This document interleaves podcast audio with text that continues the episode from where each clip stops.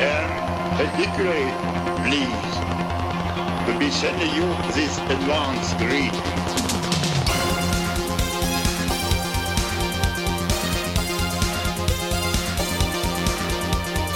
Peace among the nations of the world.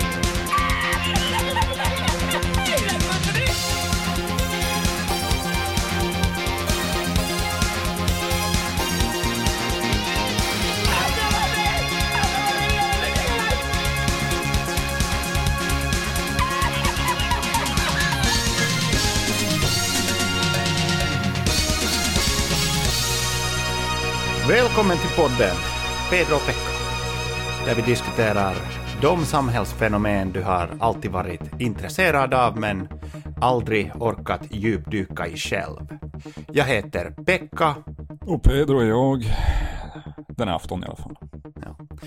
Sådär, eh, det- detta blir ett eh, ordinarie avsnitt var, eh, ja, vi tänkte inte babbla så mycket för de av er som, som vill höra mer av sånt så finns våra bonusavsnitt. Här tänkte vi eh, fokusera oss eh, enbart på sakfrågan Ulf Kristersson. Eh, Mer eller mindre enbart kanske. Eh, Det är Ja. lite personangrepp och attacker och dylika narrativ vi målar upp om denna individ kommer ju då självklart att ingå som bakgrund och kontext. Absolut, absolut. Så att vi tänker oss så här. Um, först kommer vi diskutera Ulf Kristerssons interna liv med frågeställningen Är Ulf en människa? Mm. Och därefter kommer vi gå eh, till hans bok som vi båda har läst eh, som heter Non-Working Generation eh, och är hans debutbok. Fokus kommer att ligga störst i den här boken så att ja, även om vi måste kanske liksom bygga upp vår, ja, vad vi har eh, till relation till Ulf Kristersson som en man, förmodad man i alla fall, eh, och eh, vad vi tänker om honom så här generellt, men största fokus ligger i boken. Och innan vi börjar så vill jag bara ge en liten disclaimer här. Detta kommer alltså inte bli en biografi av Ulf Kristerssons liv. Om ni vill ha en sån så finns det mycket bättre podcasts och eh, tv program eh, man kan titta på. Eh, ni kan själva gå in på SVT Play, men jag kommer lägga i show notesen ehm, eh, Svenska Dag, Dagbladets podd Politiken, där de har gått igenom det väldigt grundligt. Så vill ni ha det. Disclaim nummer två blir att detta är Ja, detta är en, eh, först och främst en eh, humoristisk podd där vi diskuterar allvarliga ämnen. Så är din autism på den nivån att du inte kan liksom ta ett skämt eh, i din podcast-spelare finns en symbol som har såna här två streck. tryck på den nu. Eh, annars eh, är du välkommen att fortsätta och lyssna. Pausknappen Och alltså, disk- menar uh. Pre precis, precis, precis, precis. Det var bara, jag tänkte att är man på den nivån så att man måste kanske visuellt beskriva vad är det, hur ser, oh, hur ser den här knappen ut? Ja. Men, eh, men och, och, och en, en tredje disclaimer är att um, Pekka var uh, ute i Jönköping igår och körde Jönköping by night och uh, slickade en massa dö smutsiga dörrhandtag till uh, kvinnornas toaletter uh, och nu känner jag uh, en konstig, konstig känsla i uh, Ja, halsen. Så, och, uh, så Kolibakterier därav, uh, kan det vara. så därav eh, jag eh, kommer eventuellt vara lite mer liksom Jeb Bush ikväll. Eh, det. så please clap och eh, Low energy. det, det är väldigt, det kan vara lite low energy Pekka och mer high energy Pedro ni Mm. får idag. Det blir nog Ehm. en dubbeldos av låg energi här tyvärr. Men det, sånt är livet. Okej, jag försökte jinxa fram där någonting som uppenbarligen inte kommer att hända. Vi får se. Men, Man vet inte vad Men Ulfs bok gör med den va? Det är ju så. Vi får se. Och, och här innan, innan vi börjar, eh, jag vill bara säga att eh, det här med att ha halsont, ehm, den satte liksom min manlighet på prov. För att jag var på apoteket idag och sen så köpte jag såna här Vicks Blue uh, halstabletter. På apoteket. Ja. Jag att man köper en jävla Eh. godiskiosk för fan. Ja, jag vet inte varför. Jag tänkte att det kanske känns mer officiellt, alltså som att det är medicin. jag menar, det, om alltså, det finns ju det på- starkare halstabletter än fucking Vicks på apoteken. Så jag vet inte vad du, vad du håller på med. Pekka, alltså det där är förö... Men hur, Ett förödande hur- alltså, det, var misstag. ju, det, det, det var just den här bemö, det här bemötandet jag fick på apoteket Ja, också. det, det, det, Det var en sån här, det var en sån här ung, väldigt snygg iransk tjej, uh, farmaceut. Såklart är hon iranier. Ja, Eh, och eh, hon tittar lite snett på mig så här. Okej, du eh, påstår dig vara en man och du har lite ont i halsen och kommer hit och gråter om att "Nej, kan jag få Vicks-tabletter? Just. Så att eh, det sätter min manlighet på prov idag och eh, jag kände något eh, som är ett förekommande tema i den här podden så kände jag skam det. med ett stort S. Och det är bra, det är, det är den civiliserande faktorn som jag gillar att kalla det. Skam. Nödvändigt. Eh, Det är inte kul att känna det. Men om du känner det, mest troligen, så bör du känna det. Ja. Eh, inte alltid då, uh, ta mig inte ordagrant här, självklart. Nej, men då efter dessa disclaimers tänker jag och eh, Pedros eh, lilla stories hur vi ska känna oss eh, kring skammet eh, inuti oss. Den finns där. Men då tänker jag att att eh, startpunkt till eh, diskussionen här. Nu har det gått tre månader sedan Ulf Kristersson eh, blev statsminister. Mm.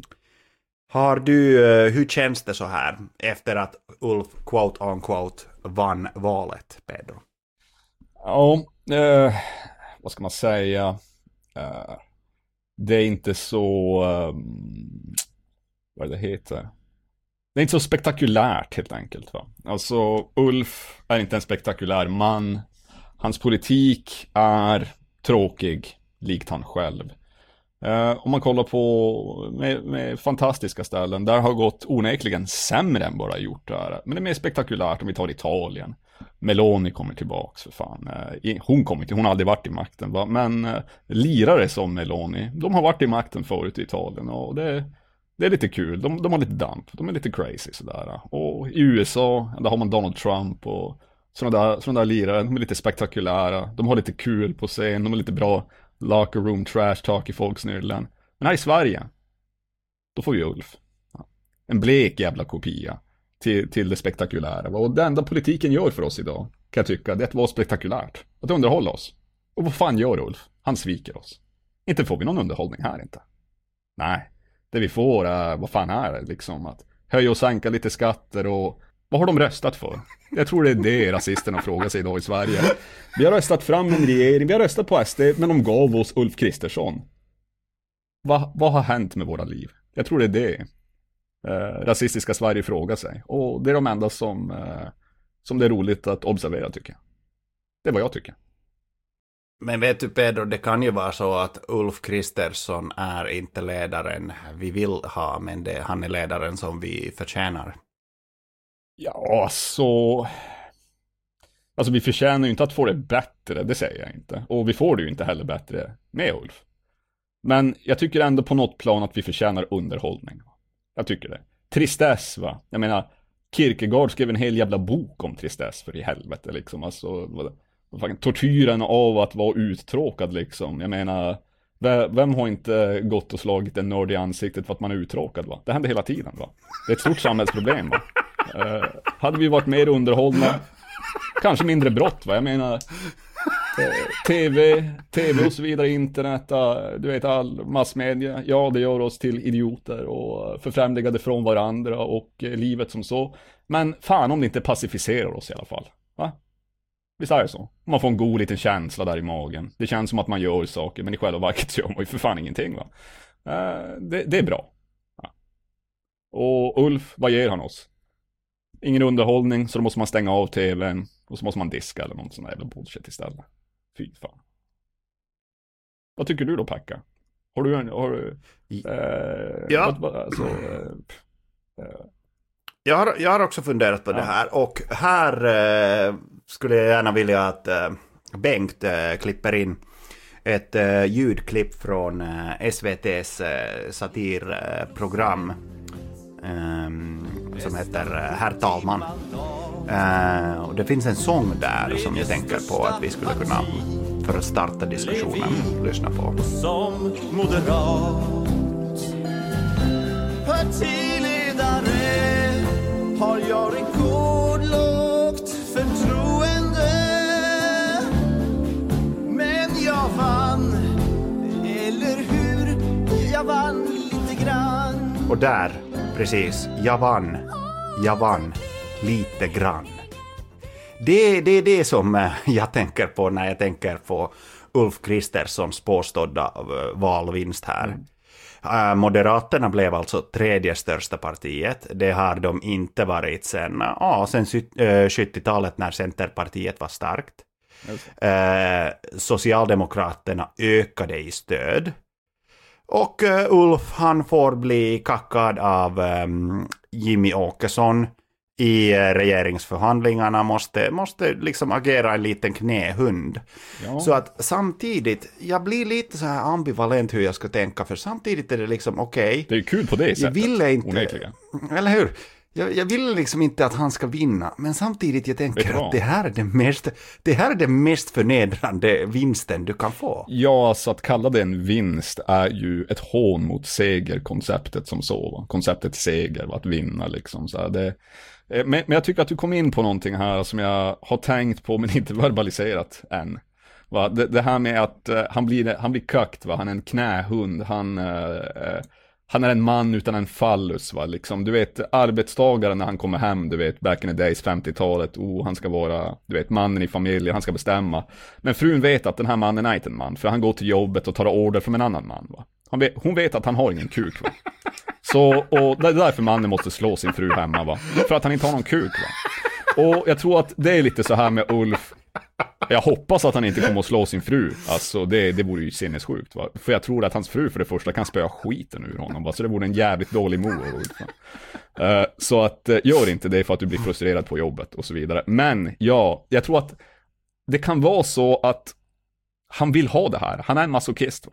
Det kanske, det är det här som gör Ulf mänsklig i slutändan. Att han är en jävla masochist, va? Han vill regera utan fallus. Det är så. Men, men det är just det där alltså, för att det här, och det kommer jag komma När in han blir förnedrad så senare, vinner men det, han. Det är ett genialt försvar. va? Men du vet, det, det, det här är absolut liksom Ulfs största dröm.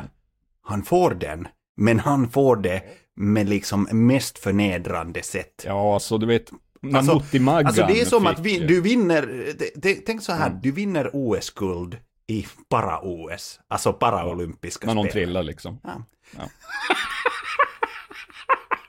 Det, vad fan, vad fan ska, jag, ska jag stå, alltså om jag är pappan till den här paraolympiska, ska jag, ska jag liksom sitta och klappa där? Ja, alltså. det- Ja, det, det måste man väl göra. Jeff, Jeff Bush Men, liksom. eh, men eh, please, please clap. Jeb är ju kungen av lågenergimän på något vis, det, det, det måste tillges. Han är den största av Bushbröderna. Men samtidigt, likt Persson, alltså eh, liberalen, vek som fan alltså. Riktigt jävla vek. Som spaghetti va. Ah, just Han är det. inte al dente Ja, om ja. du säger så va. Vi, vi kommer ju komma, komma till den här, äh, ja, den här Barilla-liberalen äh, Johan Persson senare. Men äh, det var, det var lite våra tankar äh, om, äh, ja, hur det gick i valet ähm, och så vidare. Och Ja. även om jag sa att det här... Men vi, vi kan ju ändå glädja oss om att i, alltså, ingenting förändras i slutändan. Alltså, de kan ju inte göra någonting. Delvis är de inkompetenta liksom, men, men annars så det, det händer ingenting. Liksom. Elpriserna, ja det kommer att bli lite kallt här på, på vintern och så vidare. Liksom. Men eh, eh, jag, jag skulle hävda att det, det stärker folksjälen. Ja, och om ni inte vet vem som är den riktiga skyldige till eh, elprisförhöjningen så kolla in eh, gärna på vårt eh, förra bonusavsnitt där vi nämner en namn med en, en man med namnet Klaus Schwab. Precis. Men för, för, för, att gå vidare. Um, jag sa att det här blir ingen biografi av Ulf Kristersson, men är det så, och som jag tror detta gäller för många av våra lyssnare, att man har levt under en sten och inte har någon koll alls, så tänkte Pekka här dra en kort, kort, kort, kort sammanfattning av uh, Ulf Kristerssons uh, ja, bakgrund eller, eller liv. Vad man nu ska kalla det. Här är ju sånt saker som... som har hänt Ulf. Är det ett liv? Eller hur? Jag vet inte om det är ett liv. Va? Men det är händelser. Mest troligen helt jävla orelaterade från varandra och hur fan han kom hit. Det finns ingen djupare mening. Men det här är fakta om Ulf. Det är det ni kommer få.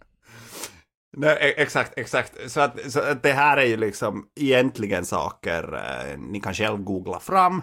Men jag får, eh, som, som, som jag får göra på jobbet ibland, jag får agera Google för en, en person som inte orkar, du är Siri, orkar googla enkelt. fram. Ja, eller hur? Eller hur? Uh, så, så, så, att för att agera Siri här, mm. um, Ulf Hjalmar Ed Kristersson. Han är född 1963 eh, i Lund, men upp, uppvuxen i Eskilstuna. Mm. Och där är min fr första fråga, varför tror du Pedro att all, varje gång man tittar på någon sån här um, uh, ja, um, amerikansk uh, dokumentärserie om uh, psykopater eller massmördare, mm så är de alltid från sådana här jävligt obetydliga eh, liksom suburbs eller eh, småstäder som eh, Eskilstuna. Ja, men jag skulle säga att på sådana orter, va, det, det här modern eh, psykos eh, kommer ifrån. Va? Suburbs. Va? Det är, det är psykosen av normalitet. Va? Liksom. Och Ulf skulle jag säga, han lider av den här psykosen, kanske värre än någon annan människa detta sekel. Uh, när det började, jag vet inte, kanske började förra seklet redan, vem vet. Jag tror att den här boken visar i alla fall att ju närmare 2000-talet vi kommer, ju värre går det för Ulf. Det är som en motsatt teori av the progress of history. Va? Det är som en, eh, det är som the arc of history. Va? Det börjar högt, når en peak och sen så bara fucking brant neråt liksom. Det, det är så jag ser saken. Det är mitt sätt att finna mm. mening i Ulfs existens. Absolut. Ja. Jag, eh, jag har tänkt på de här små städerna också. Ja. Jag har tänkt, liksom, med sådana städer, det finns liksom, det finns ingen själ, ja. det finns ingen historia. Och människorna som bor där, de bara bor, de finns. Ja. Men min fråga är, för vad Precis. och för vem? Varför finns de? Behöver de finnas? Retorisk fråga. Ja, ja det, det, han har lite av en möbelkvalitet av sig, uh, Ulf. Det, vad menar du med möbelkvalitet? Ja, alltså, som man brukar säga om statister, att vi behöver meatbags för att fylla rummet, va? så att det ser ut som att saker händer här. Ah, ja, ja, ja, jo, jo, jo, han är lite av den kvaliteten, han är en möbel på det viset. Va? Uh, och... Jag vet, jag vet det där. Alltså, alltså innan smartphones, jag hade på min mobil så här eh, vissa snubbar märkta med ordet S. Och det betyder S som i statist. Ja, okay. Alltså skulle jag, skulle jag organisera en hemmafest Precis. så var det viktigt att okej, okay, kalla lite liksom folk som jag tycker om och vissa som jag inte tycker om men skapar kanske roligt debatt. Och sen ska liksom bjuda in statister så det ser bra ut på, på foton. Mm. Liksom, åh oh shit, du hade, du hade mycket folk där. Fast det är egentligen bara någon non-playable character ja, som bara står i en... En så kallad, non, en så kallad non-person om du är rik, va? Det är liksom så non-people. Precis, liksom. med, med fucking chipskål ja. och bara liksom och, tyst för sig själv. Och här kommer vi ytterligare tillbaka till dekadensen av vår tid, att uh, alltså att allting det handlar om egentligen är hur ser saker ut på en bild? Det är lite av det, och jag tycker att här, och jag tycker att det är så fantastiskt att i en sån värld att Ulf kan vinna. Det är sådana saker som får en att tro på Gud lite grann. Va? Att uh, there is no rhyme or reason behind any of this, liksom, eftersom att Ulf på bild är ju patetisk. Va? Liksom. Ulf i tal som vi kommer att få se idag är inte mycket bättre, va? eller i skrift då. Uh, men på bild alltså, förödande. Han har aldrig hållit i en öl förut, ser ut som exempelvis. Va? När han berör andra människor med sin hand som på en axel eller på ryggen, det ser ut som att han tar inte i dem, den, den är som i luften. Va? Liksom, han är lite rädd för den där kontakten. Va? Det, det här är en människa som, eh, vad ska man säga, socialiseringen, eh, den har, eh, den har failat honom. Absolut. Um, Ulf eh, då växte upp i Eskilstuna men uh, studerade till civilekonom i Uppsala och blev färdig med studierna 1992 då han tog ut sin uh, civilekonomexamen. Ah. Och jag tror själv att det här med att han är civilekonom, det förklarar väldigt mycket om honom som person. Mm. Ja, så äh, Äh, finns det med så här tråkiga pappers och byråkratiska typer av arbeten. Liksom, eh, byråkrater då som man själv hatar, eh, antar jag liksom. Men eh, det finns den här genomgående masochisten i Ulf liksom som vill ut hela tiden. Han studerar sånt som han egentligen hatar och det, det, det är väl här jag, det, jag känner medlidande för honom. Vem har inte gjort det i livet? Ja, nej, verkligen. Uh, och uh, ja, det som jag kan ännu nämna är att uh, som hobbyn så har Ulf Kristersson haft eller har gymnastik, simning och han är numera känd som en löpare. Gymnastik, alltså pratar han, alltså, han, alltså som gymnastik som på Alltså- skolan eller gymnastik som gymnaster håller på med eller vad, vad är det? Uh, som, som, som, som gymnaster, alltså gymnastics. Ja, alltså inte för att vara en sån, men eh, han har ju inte erövrat den kroppen om vi säger så, som, som brukar komma med uh, gymnaster. Va? Nej, men samtidigt han är ju liksom... För du vet, gymnaster brukar ha, du vet, jävla överkropp men inga ben, men, men Ulf har vader, Ja. men ingen jävla överkropp va. Så att det, han har mer av den här eh, långdistanslöparkroppen va. Jag tror gymnastik för honom är, du vet, det man gjorde i gympasalar förut va. Ja, och sen även simhopp har jag läst någonstans. Ja, just det. Eh, vilket är bara game! Ja, alltså. Jag vet inte om det, vet inte om det är så va, men eh, det, det är ju extremt jävla tråkigt va, om, i- om inte annat va. Att, eh, jag menar, det, alltså en moment sporter har jag djävulskt svårt för va. Alltså att det är Apro, apropå, trist alltså. apropå, vader, a- apropå hans vader. Jag tänkte så här att det är också så jävla genomtuggad ämne när man kollar upp Ulf Kristersson. Så dyker det upp liksom först där, Ulf Kristersson, vader. Mina vader är då alltså, en blandning av arv och miljö. Min mamma hon hade väldigt imponerande vader. Vaderna, de, de musklerna har knådats i många år. Helt. Jag tror att hustrun sa vid något tillfälle att det var den enda kroppsdel på mig som var större än genomsnittet. Och liksom, jag kan berätta här att eh, Pekka för några veckor sedan eh, besökte demokratins hjärta. Pekka besökte riksdagshuset. Ja. Och ehm, ja, Pekka var där med en massa andra NATO-sossar på besök. Ja. Och eh, vi gick runt byggnaden och vi såg gymmet. Och sen så tittar Pekka in i gymmet och så här bara observerar hurdant gym det är. Så är det inte en jävla pleb som kommer bredvid späcka där och ska dra något jävla skämt om att ja, man får ju se om uh, Ulf Kristersson uh, ska köra vadpress i en timme. och då tänkte Pekka, okej, den här personen bredvid, bredvid Pekka här, han må vara en socialdemokrat, men han är en pleb och jag ska inte fortsätta diskussionen. Så jag, jag stod bara helt tyst där och gick ifrån. Ja, just det. Eh, för att det är så man ska agera med folk som tror sig vara Ja, roliga just och slänger såna här skämt. Ja, de ska känna skam. Så är det. Så enkelt är det. Det, Ja, det är ett straff. precis. Ett Eh, måttligt straff. Exakt, och för att hastigt nämna någonting, han blev ju färdig då med studierna 1992. Eh, men på Ulf Kristersson CV ser vi att från eh, 88 till Blev han- 92. Blev han, kvar, blev han klar 92? Eh, ja, Okej. 92 blev han klar, men redan under studieåren så arbetade han som ordförande för MUF, alltså Moderata ungdomsförbundet. Jag, må- jag, Ehm, jag, det- jag måste ändå säga så här, du vet, jag har alltid tyckt det lite grann, men eh, nu vet inte jag när han började där va. Men eh, väldigt få personer, eh, vi har en lyssnare som är det, som, men alltså de flesta personer som håller på med ungdomspolitik va. Dåligt. Mycket dåligt. Va? Det, det här är inte en tid när ni ska hålla på med, med, med, med sådana dumheter. Va? Det, det, det är alltså, uh, vad gör ni med livet för i helvete alltså? Come on.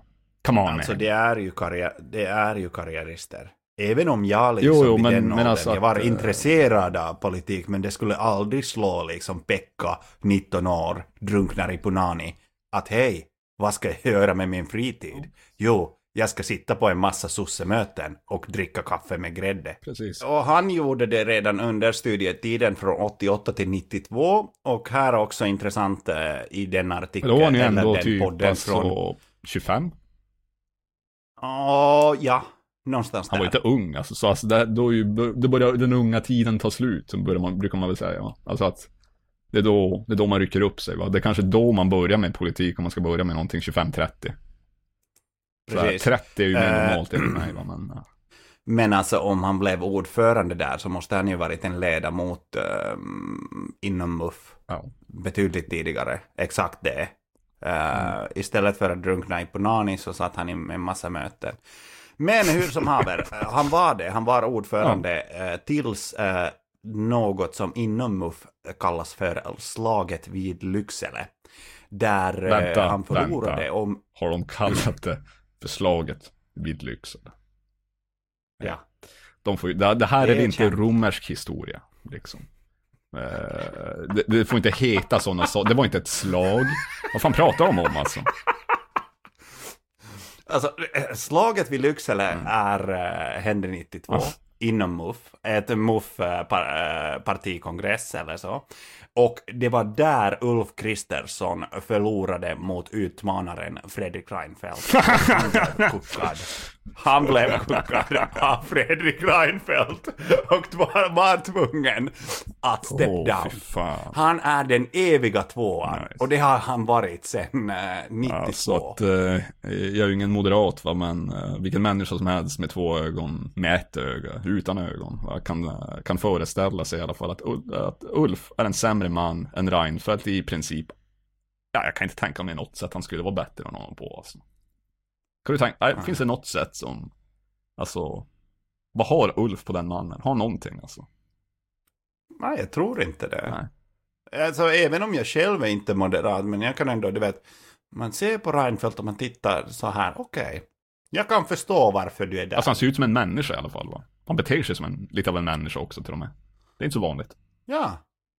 Eh, och du vet, han är karismatisk på sitt egna konstiga sätt. Ja. Eh, han, han är bra på att hålla tal och han har lite så här pondus, Pondus. liksom. Lång, spelar lite basket vet jag. Du vet, det, det... Vad fan har Ulf gjort alltså? Va? Sprungit omkring i en jävla gymnastiksal va? Och det är en bra fråga för att det Ulf gjorde sen, han satt ju för första gången som riksdagsledamot från 91 eh, till eh, 2000. Sen blev han marknadschef för, för Timbro. Eh, och Timbro kommer ni ju höra mer om när vi pratar om, eh, ja, om den här boken. Han gick ett tag till eh, näringslivet och han blev eh, kommunikationskonsult för Network AB. Han, Och, han pratar i den här boken om meningslösa jobb, jobb som bara skapas av staten för ingenting. Jag skulle vilja hävda att hans roll som kommunikationschef, eller vad fan det där nu är, det är ett jobb som är påhittat av HR-arbetare, så att de ska få betalt för att göra ingenting va. Det, dessutom verkade vara som att det där eh, företaget gick i konkurs med liksom dotcom-bubblan det. som hände där. Men Ulf har ett bra omdöme Äh. som, vi, som vi ser redan innan han var politiker. Alltså, det är väldigt bra, väldigt bra. Ehm, och sen så var han, och det här är ganska intressant, han var själv styrelseordförande för Adoptionscentrum.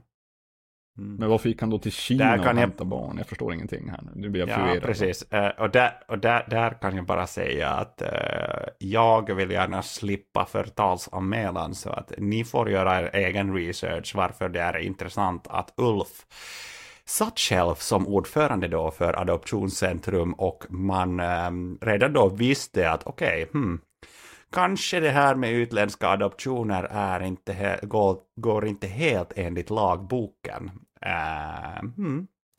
Ja, eh, som jag sa, gör er egen research. Ehm, det brukar inte vara en bra idé, men just i detta fall tror jag att det är det. För att eh, ni kommer liksom eh, titta Ulf öga mot öga och inse vilken, eh, vilken typ av människa han är. Om han ens är en människa. Ja, alltså till skillnad från, eh, vad var det han hette där, nazisten som var on trial i, alltså de hade rättegång på i Israel där, du vet. Som Arendt skrev om. Eichmann. Ja, Eichmann. Banality of evil, va? Att han ser ut, han var en nothing man, han hade inga onda intentioner. Här kanske det bara är så att Ulf egentligen eh, bara är en man som ser ut att vara en Eichmann, men innerst inne, innerst inne, så är han Patrick Bateman. There is an idea. Och så vidare, och så vidare. Vi, vi körde det här Ja, skämtet eh, i bonusavsnittet va. Eh, men eh, jag kom på nu att det är sl- slående likt Ulf. Bara det att Christian Bale, en vacker man, snygg. Eh, jag kan säga massa olika saker som betyder samma sak här, söt. Eh, och så vidare.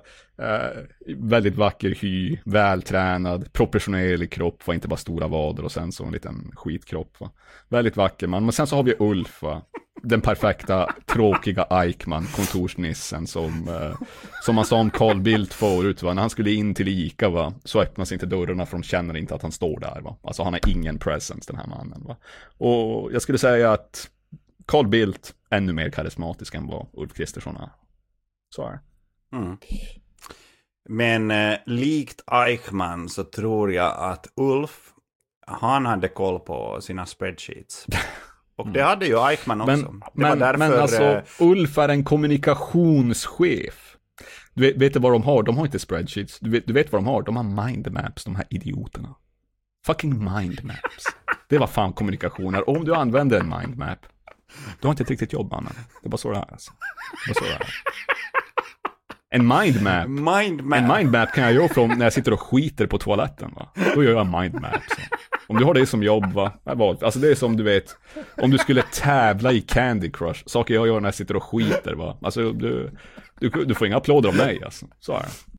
Nej, verkligen inte. Ehm, sen, eh, ska jag säga, sen, sen gick han tillbaks till politiken. Mm. Ehm, jag vet inte varför.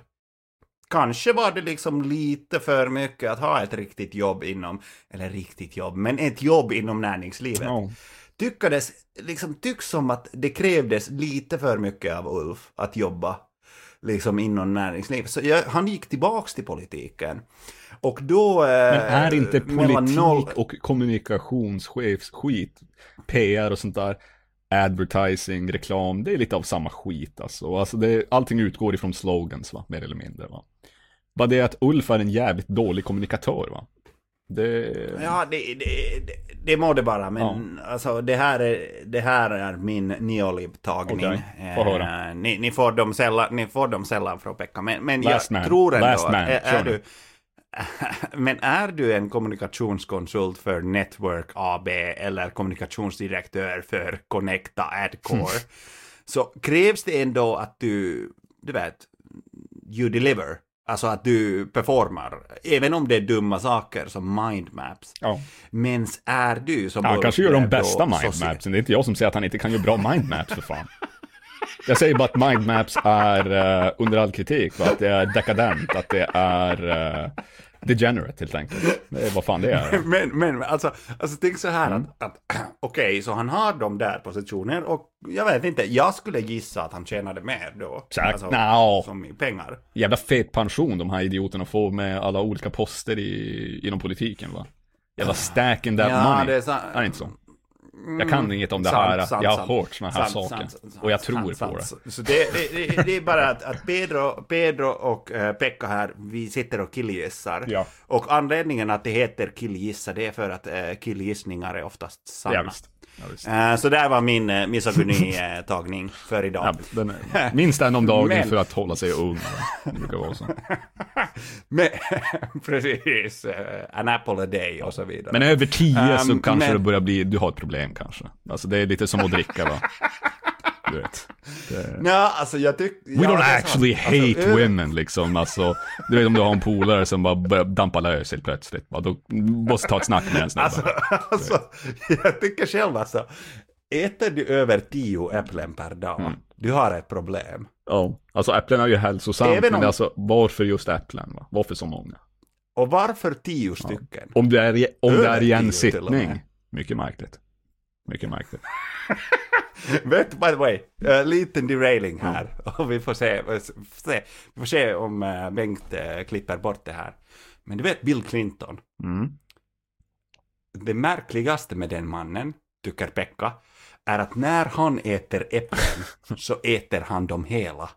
Alltså kärnan, det där som äpplet hänger ur, allting. Alltså det... Och han, tydligen, alltså han brukar flexa med den skinnet. Men vänta, har han alltid Han, gjort det eh, här? han har- eller han det här han i hans har liksom- vegantider nu när han ser ut som att han är död? Alltså han ser ut som en husk of a man. Nej, nej, nej, nej alltså, alltså han, han har gjort det sedan 90-talet och tydligen han, han flexade med det när han körde liksom peace negotiations mellan typ Palestina och Israel så tar han fram ett äpple och äter det, äter hela äpplet som en fucking psykopat för att bevisa bara, oh yeah, it's me, Bill, I own this fucking room. Yeah, I will eat your soul. I'll fucking eat you bitch. I'll fucking kill you. Alltså tänker han liksom på något sätt att det här är en power move likt att släcka en cigg på sin tunga eller? Alltså bara, yeah. Alltså, alltså där är det liksom att eh, hotet är, ja, jag känner ingen smärta, jag är villig att skada mig själv, jag bryr mig inte. Men att äta ett äpple är liksom bara, jag är äcklig. Alltså jag äter allting, du vet, det som smakar skit också, bara för att du vet. Ja, och det, och det är definitivt det. Och jag tror att Ulf saknade power moves. Ja. i Men alltså- och det var därför han var tvungen att gå tillbaks Det är därför han håller på att hålla en bärs i ena handen samtidigt som han håller en servett i den så att det ser ut som att... Ja, och eh, det, det alltså, kommer vi faktiskt... Fuck alltså. Det kommer vi komma till senare. Men eh, han blev alltså då, han blev socialborgarråd eh, för Stockholms stad. eh, mellan eh, 06 eh, till 10. Och där har vi en trevlig skandal att snacka om eh, lite senare. Mm. Eh, sen, sen mellan eh, alltså andra Reinfeldt-regeringen eh, mellan 2010 och 2014 så blev han socialförsäkringsministern. Så det var att ja, slaget vid Lycksele, ja, du vet, old grudges, all, for, all forgiven och så vidare. Jag, jag, tror, jag tror inte han fattar det, men han blir ju kackt en gång till. För att Reinfeldt ringer honom och sen så här, tjena Ulf, Um, jag har en ministerpost till dig. Och då tänker liksom Ulf där hemma att åh jävlar, är det utrikesminister eller eh, kanske inrikes eller finansminister? Och sen så droppar eh, Reinfeldt, Fredde, bara den här bomben och säger socialförsäkringsminister. Det är som att du är en minister, men du, du har en helt obetydande minister, ministerpost. Sweet. Uh, och Ulf måste säga ja. Ja, det är klart. För att, ja, Det är ingenting annat i ska han hans jävla ta vägen? Vad ska han annars ta Nej. vägen? Precis, eh, sen eh, ja, efter valförlusten eh, 2014 så först blir han ekonomisk politisk talesperson mellan eh, 14 och 17. Sen väljs han eh, till ja, MUFs eh, ordförande efter Anna Kinberg Batra. Han eh, förlorar ett val som han inte riktigt förstår att han har förlorat eftersom, ja, enkel matematik. Måste ändå säga att det är surt att förlora mot henne. Det är ju ytterligare en väldigt, alltså, robotliknande kvinna måste jag säga. Alltså, Jo, fast, väldigt fast hon, dålig på att kommunicera Ja. också. Måste jag säga. Alltså, Hon, hon, hon, hon var ju ordförande innan honom och Ulf skulle komma in och eh, så att säga rädda partiet. Och där får man fråga att vem fan har tänkt att Ulf ska rädda det partiet? nej, alltså att jag skulle säga att de satt i samma båt. Va? Alltså, de äter vid samma buffé. Liksom. Det här är, de är identiska. Så att eh, om du vill rädda partiet så tänker jag ju att då bör du ha en annan strategi. Va? Kanske. Kan det vara Och, så? och jag menar, där kan man, där där man, kan man liksom tänka, tänk på, om vi inte tar Fredrik Reinfeldt, tänk på Anders Borg. Ja, alltså jag, jag är ju en... eh, han har långt hår, Borg. Det är kul. Han är ekonom med långt hår, du vet. Det är, det är som en jävla unicorn i den världen, tänker jag. Han ring i örat, du vet. I ena örat. I ena örat. Och sen så måste jag säga som eh, mitt namn är, Pedro. Han hade en, en, en thick Latin wife, var det inte så? Var det inte så? Ja, Ja. visst. Det här är en man som Alltså. segrar i alla fält av livet förutom att han är en, eh, en- vidrig borgare och en ekonom va. Liksom. Eh, Men alltså, för att med, med alla de här motgångarna mot sig så vinner han i livet så jävla hårt tills han lappar fram kuken och bara helikoptrar i folks nöden. Vilket jag tycker är, jag menar, en kul, alltså allt beror ju på storleken där liksom. Ja, eller hur? Jag menar, Jo, men, men tror du inte så här att om man nu är killen som viftar med kuken och kör helikopter på en fucking fest, borgarfest i skärgården med typ en massa barn och såna här viktiga människor. Ja. Alltså jag tror inte kuken är... Det, det behöver inte vara enorm, men jag tror inte att den är jätteliten. alltså du måste ändå ha någonting att göra en helikopter det. med i alla fall. Va? Det är ju, det är ju första Ja. förutsättningen. Va? Och det, det är lite det vi respekterar med, eh, med den mannen. Det hade varit kul så, men sen när man läste beskrivningar om det var det inte bara att han viftade med kuken utan att han också samtidigt skrek så här Hurra! Ja, det där var ju en kontext som eh, plötsligt förändrade min syn på situationen. Eh, är ju kanske mindre bra liksom. Om det inte, om inte hora nu är hans bästa killkompis här liksom som, du vet så. Men, eh, betvivlar ju det va. Men, ja, det är väl kanske inte så bra att göra. Alltså, Eh, den bruden du kallar för en hora kanske måste vara med på skämtet då i så fall. Liksom. Det blir jävligt konstigt annars. Kan kännas som en jävla attack då va? Eh, så, jag vet inte. Men, eh, men- ett råd till kvinnor va? Här, då. det här är ett, det, Pedro, Pedro berättar vad, vad i, i, en, i den bästa situationen här som skulle kunna hända. Om en man drar ut sin kuk och är full och skriker hora till dig, tänk då att han har kuken framme. Om du har klackar på dig, jag menar en snabb liten frontkick där i pungen eller i kuken så punkterar du den där skiten alltså. Jag tycker att uh, oönskade kukar sådär, det är, väldigt, det är bara, det är bara sparka bort dem alltså. Fritt fram. Men, men det, var, det var ganska bra för att, för att hittills har vi mest gett, gett liksom livsråd eh, eh, till, uh, ja, till högermän. Men vi har också märkt att eh, det är betydligt eh, fler kvinnor som lyssnar på oss än eh, vad vi hade trott eh, ursprungligen. Så att eh, där fick ni också liksom Ja. lite self-help. Alltså, sekunden, när kuken är framme va, det är då ni går till attack va. Det, det, det, det känns väldigt, alltså att eh, en hår, ett hård alltså, du vill ju inte ta på dem med händerna så att jag skulle säga sparka va. Måste ha ett objekt mellan dig och hans, ja ni vet vad jag pratar. Exakt. Ja, ja, ja. ja. Så från självförsvar Precis. till, till uh, Ulf Kristersson. Och för, för att säga, han blev partiledare då, var oppositionsledare under åren, eh, ja, fram tills i år. Där han, så att säga, quote on quote, vann valet. Och nu, nu, sen eh, 2022 så är Ulf statsminister. Han får leva ut sin pojkrumsdröm. ja eller, Och det, jag tror att det är någonstans där det som stör Pekka mest eh, med Ulf Kristersson är att han ville ha det här jobbet så gärna. Mm.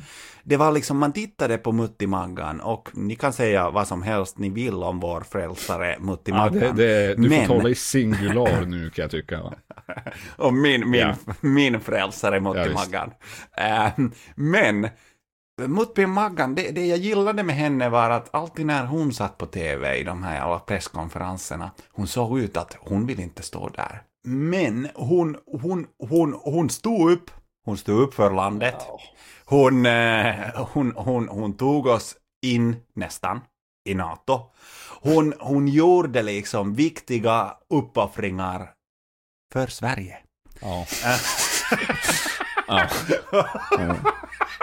Det kan man ju tycka. Och då kan du, då kan du Pedro fråga dig själv, vad har du gjort för Sverige idag? Vad har jag gjort för Sverige? Alltså jag gör ingenting för Sverige. Pedro gör saker för sig själv. Va? Pedro är likt Pekka en av Nietzsches last men här. Va? Alltså att eh, vi kollar ut över horisonten och vi ser ingenting. Så eh, i en sån värld, eh, så ja, så, så är läget. Men alltså att, eh, ja, det är sant. Muttimaggan, Mutti Maggan, hon har gett oss saker som socialdemokratiska Prada-skor och så vidare som man kunde köpa ett exklusivt hundratal av tror jag. Eh, väldigt, eh, väldigt nyttigt för jag menar alltså när man går med i NATO. Då är det fan, nu är, nu är vi diskosossar. Alltså NATO är disco nu va. Alltså disco på 70-talet och inte disco idag som är dött va. Men alltså nu tänker disco i sin highlight va. Alltså nu är det, alltså det är nu NATO ska bli sexigt va. Du vet. Ja, och NATO är sexigt. Alltså kan du tänka dig i framtiden NATO-tema-porr alltså? Alltså tematiskt NATO-porr. Satan vad sjukt alltså, vad upphetsande. Nej, alltså, men, men det, det är konstigt att jag inte har tänkt på det. Jag vet inte om, vad, jag ska, vad jag ska dra för slutsatser om att du har... Men där kan jag faktiskt... Formell eh, klädsel, ett- uniformer, du vet allt det här är Nej, men bra vet material du, för porr. Vet du, vet, du, vad- vet du vad vi gör, eh, Pedro? Jag, jag kan lova ett Patri- Patreon-exklusivt eh, avsnitt eh, om... NATO-porr. Om, vad sa du? NATO-porr. Ja, alltså- ja. Porr med temat NATO. Ja, just. det.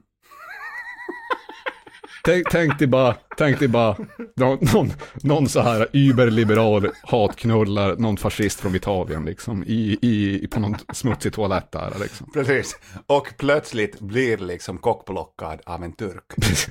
Precis, precis. Och så blir han själv då en rasist. Det är så det går, det är så det blir till va. För fan vilka, vilka narrativ alltså, det är potent med narrativ är vad jag säger. Incestporr och det där, det är jävla passé nu, alla kollar på det va. NATO-porr, the new frontier. det, definitivt. Men som jag sa, i år så blev uh, Ulf Kristersson fick egentligen uppleva liksom sin pojkrums uh, dröm där. Han blev statsminister, även om han, det var ett, väldigt viset. förnedrande Ja. sätt. Liksom. Ja, han blev det, okej. Ehm, så att eh, det där var det lilla jag hade att säga egentligen om Ulf Kristerssons liv eller biografi. Men jag vill ta det där att han, eh, och som jag nämnde tidigare här, det finns mycket poddar där ni får eh, höra det här bättre. Eh, Men ehm, en skandal, jag skulle ändå, han har, han har varit med i många, Um, som min chilenska kollega tidigare, eh, eh, ja, några år, år sedan sa om Ulf Kristersson, han är en skurk. Så att ja, eh, och det var det här som ledde till att eh, min chilenska kollega tyckte att han är en skurk. Eh, var att eh, Ulf Kristersson, då när han var socialborgarråd i Stockholm, eh, han fick en lägenhet i centrala Stockholm. Fin lägenhet. Eh, och det, 125 ja, och det, kvadrat det här kommer jag lägga. Var det något sånt? Ja, det här kommer jag lägga i show notesen. Ja. Som socialborgarråd bodde Krist Kristersson i en fin lägenhet på 125 eh, kvadrat på Folkungagatan i Stockholm. Enda problemet var att lägenheten tillhörde eh, föreningen Ersta diakonisällskap och var egentligen avsedd för svårt sjuka och hemlösa kvinnor. Stockholm... Nej, vet du vad Pekka? Alltså, De är ju inte produktiva. Ja. Sen försökte man, sen försökte man eh, ja, lyfta ett eh, ja, rättsfall av det här, men, men det fallerade. Men här tänker jag bara, alltså Ulf, är du en karikatyr av en Charles Dickens roman från 1800-talet? Alltså du är en borgare som bor i ett hus som egentligen menad för eh, kvinnor som, som är svårt sjuka och som lever i hemlöshet. Men där står du med din gråa kostym och eh, tänker att ah, det här, inga problem med detta. Ja, men de är ju vana vid att vara hemlösa, det är inte Ulf. Så att jag menar, det är ju... de har ju survival skills on the streets, va? Ulf, för fan. Nej men det är den här Charles Dickens romanen, liksom det är bara en karikatyr av en borgare. Liksom. Men eh, alltså att eh, det... Ja, alltså... Tänk om hans personlighet matchade hans brott, liksom. Att han var lite rolig alltså ändå. Alltså så här... eh, Det, det, ingenting får vi, alltså. Att det bara... Eh, man får säga att han är en pervers man som gör perversa brott liksom. Menar, eh, om, du, om, du ska, om du ska fiffla med lägenheter, alltså det, det finns många lägenheter i, i, i Sverige. Helvete också, my god. Eh, Måste du ta just den som är menad för Alltså- svårt sjuka Vet du hemlösa kvinnor? Det, det är kanske så, det, that's how he gets his kicks va. Du vet, det här är inte en man som har tid med att, att knulla va. Alltså Ulf går igång på transaktioner där han, du vet, förnedrar folk va. Det är det Ulf går igång på. Va? Vet, han har sublimerat Alltså, sin, han är ju mig, liksom. civilekonom, det är därför han går in dit. Han har sublimerat sin sexualitet till, du vet, eh, fucking mind maps och jävla Excel-ark och, jag vet, du vet, ordning och reda liksom. Han, när han knullar så kategoriserar han femte gången den här månaden vi hade sex i missionärställningen, du vet. Och det är då han kommer när han skriver ner det här. Jo, jo, jo, jo, jo, jo, jo. Ex- Exakt, exakt Pedro. Nu fick jag, ibland får jag sådana här, och jag vet inte om jag borde kontakta 1177. Du får sådana här eureka får- moments, så att säga. Jag, jag får, jag får sådana här mentala bilder, bara jag ser liksom allting väldigt klart eh, i mina ögon, får liksom en situationsbild. Och då tänker jag 2010 när Ulf bodde i den här, den här Ja, lägenheten. det var så jävla nyttigt alltså. Ännu roligare. Bir- Birgitta och eh, kinesiska, kinesiska barnen, de har gått och lagt sig. Ulf, eh, han är uppe. Klockan är typ två på natten. Eh, det är december och det är väldigt kallt ute. Ulf, han går, eh, han har hel pyjamas på. Eftersom du vet, det, han, han sover, han har aldrig sett sig själv naken. Tror han är som de här, du vet, eh, högerextrema judarna, du vet, som har ett hål som sticker ut kuken med för att ta, knulla sin fru. va? Ja, exakt. Fuck through the exakt. sheet alltså. Och, men vet du vad han gör? Han går till fönstret. Och det är väldigt kalla den här decembernatten. Mm. Eh, han går till fönstret, han ser att det snöar. Och han ser en hemlös kvinna vid 60-årsåldern eh, gå där på Folkungagatan. Och Ulf, han sträcker sin hand mot sin penis och börjar onanera.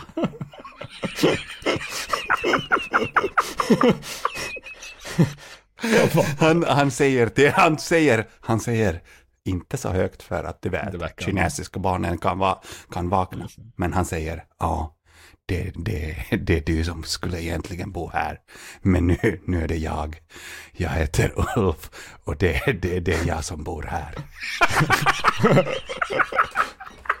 Nej, nej, nej, nej. Alltså att nu, nu, nu, nu, nu slänger vi in för mycket kreativitet och färg i den här mannens liv. Han, han är inte så här fyndig. Ja.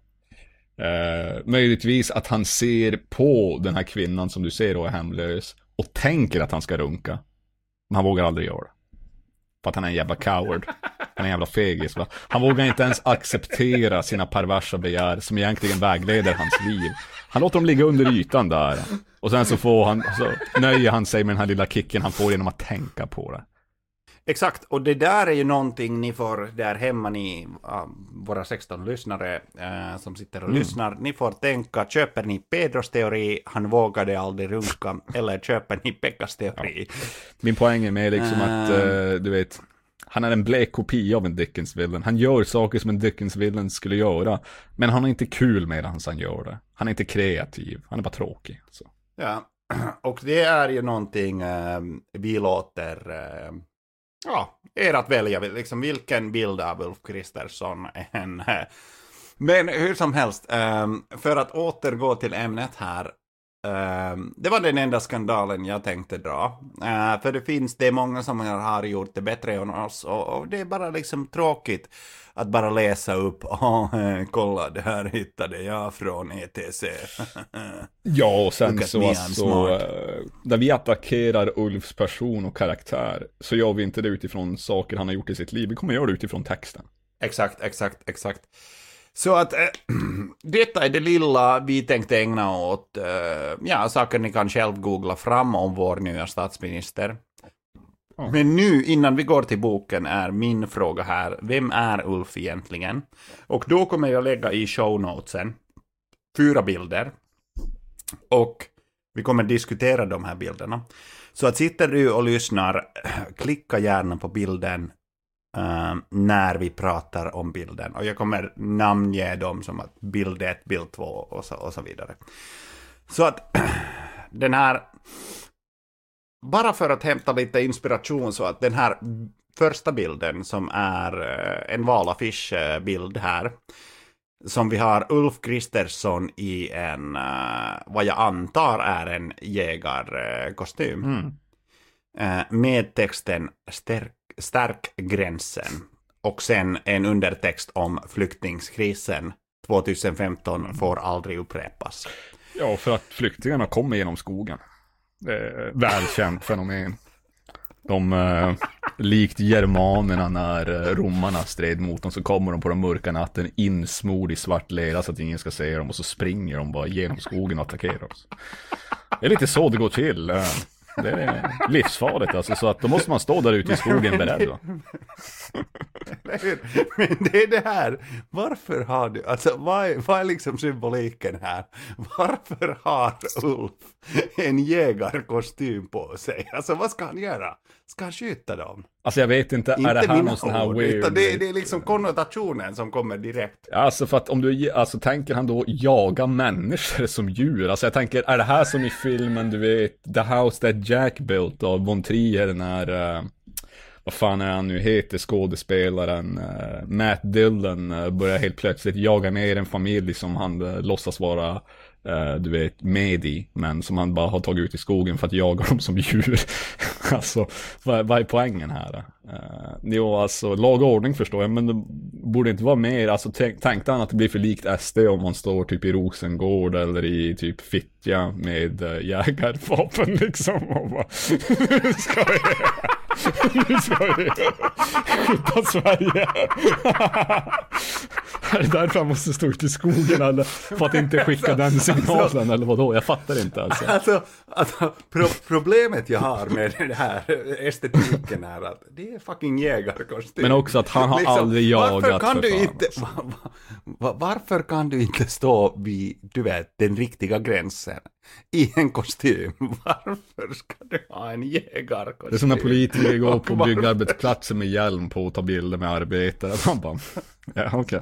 Sådär, det Ja, You're one of us liksom. Men Precis. Ja, nej, det så, humor. Exakt. Eh, så det var bild nummer ett. Nu för att gå vidare till bild nummer två som är en valaffisch eh, från i år. Där det står nu får vi ordning på brotten. Och sen så moderat loggan.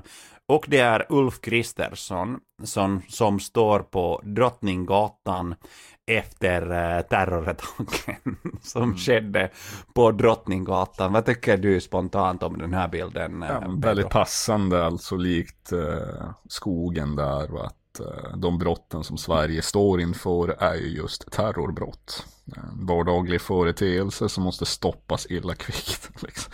Jag förstår inte heller riktigt där både eh, Alltså det, är det ett brott? Ja, det är ett brott. Eh, men när du säger vi måste stoppa brotten så blir det som att Alltså i, man behöver inte vara en lingvist eller arbeta med, jag vet inte, semiotik eller sådana här eh, andra former av um, symbollära. Att tyda, vad är det som försöker sägas? Alltså den enda tolkningen du kan få här är att de brotten som begås är någon form av serieterrorbrott liksom. Alltså som att vi vore typ USA på 70-talet när de hade typ 200 bombningar per år liksom sådär. Uh, det, det har vi inte liksom, vi har inte ett sånt problem liksom. De problemen vi har är annorlunda va. Och, men eh, han försöker signalera Det- det- till det, men är det för att det inte finns några bilder på typ när gäng gör sin business eller vadå? Är det för att det finns brist på ar- arkivfootage eller vadå?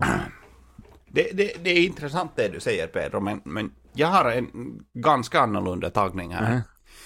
Eh, minst, var det 2019 eh, eller 18 eh, det här terroristbrottet hände i Jag Stockholm. kommer fan inte ihåg. Jag Alltså. tror, när det skedde om man ska vara ja, men no, no, alltså, eller, eller till och med 16. Men någonstans där, när det här hände, okej, så sitter Ulf på sitt kontor och resten av Sverige, de är i chock. Okej, shit. Det har hänt ett terroristbrott i Sverige.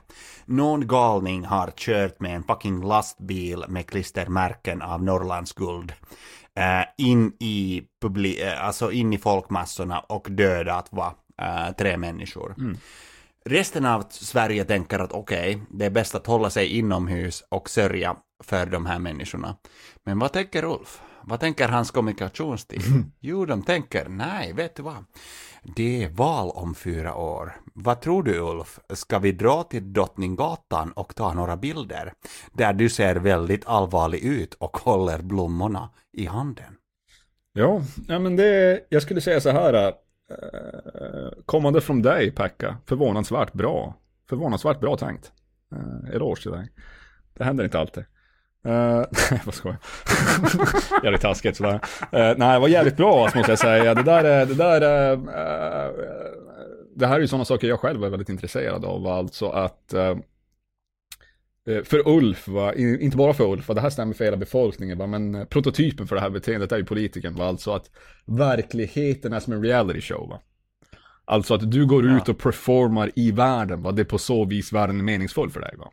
det är inte deltagande i världen som så, men det är ett, ett sätt att skapa en image av världen och kunna skapa ett bild, bildligt narrativ till det, basically. Det vill säga, det är ett, uh, ja, i väldigt snälla termer, en simulation av verkligheten, ett användande av sanningar för att eh, ta, en, ta någonting som har hänt, en fakta, sätta det i ett annat sanningsspel och sen så binda ihop ett narrativ kring det, va? genom bilder främst då och emotiva. Så här, alltså, oh, jag brydd jag och så vidare och så vidare. Men ja, det du säger är att det är ju extremt kalkylerat att just i den kristiden gå ut, leta fram krisen. Va? Alltså det är lite som, inte lika perverst då, va? men det är samma logik som i, du vet, Nightcrawler, mycket filmreferenser här nu. Nightcrawler med ja. Jake Gyllenhaal när hans jobb är att gå till brottsplatser och filma dem för någon annan så att du ser det mest autentiska och det råa för att visa att du var där när det hände. Va? Men för Ulfs del så är han inte bakom kameran, han är framför den. Va? Han spelar för kameran. Va? Så för honom så är det att de andra iscenasätter det åt honom. Och han är då the meatbag va. Ställer sig där. Alltså det är, det är en kommunikationsdirektör jo. som har sagt att Ulf, okej, okay, shit, uh, det har hänt ett terrorbrott, Precis. vi måste skylla det här på sossarna. Mm. Och nu ska vi till drottning, Drottningsgatan och ta en jävla massa foton.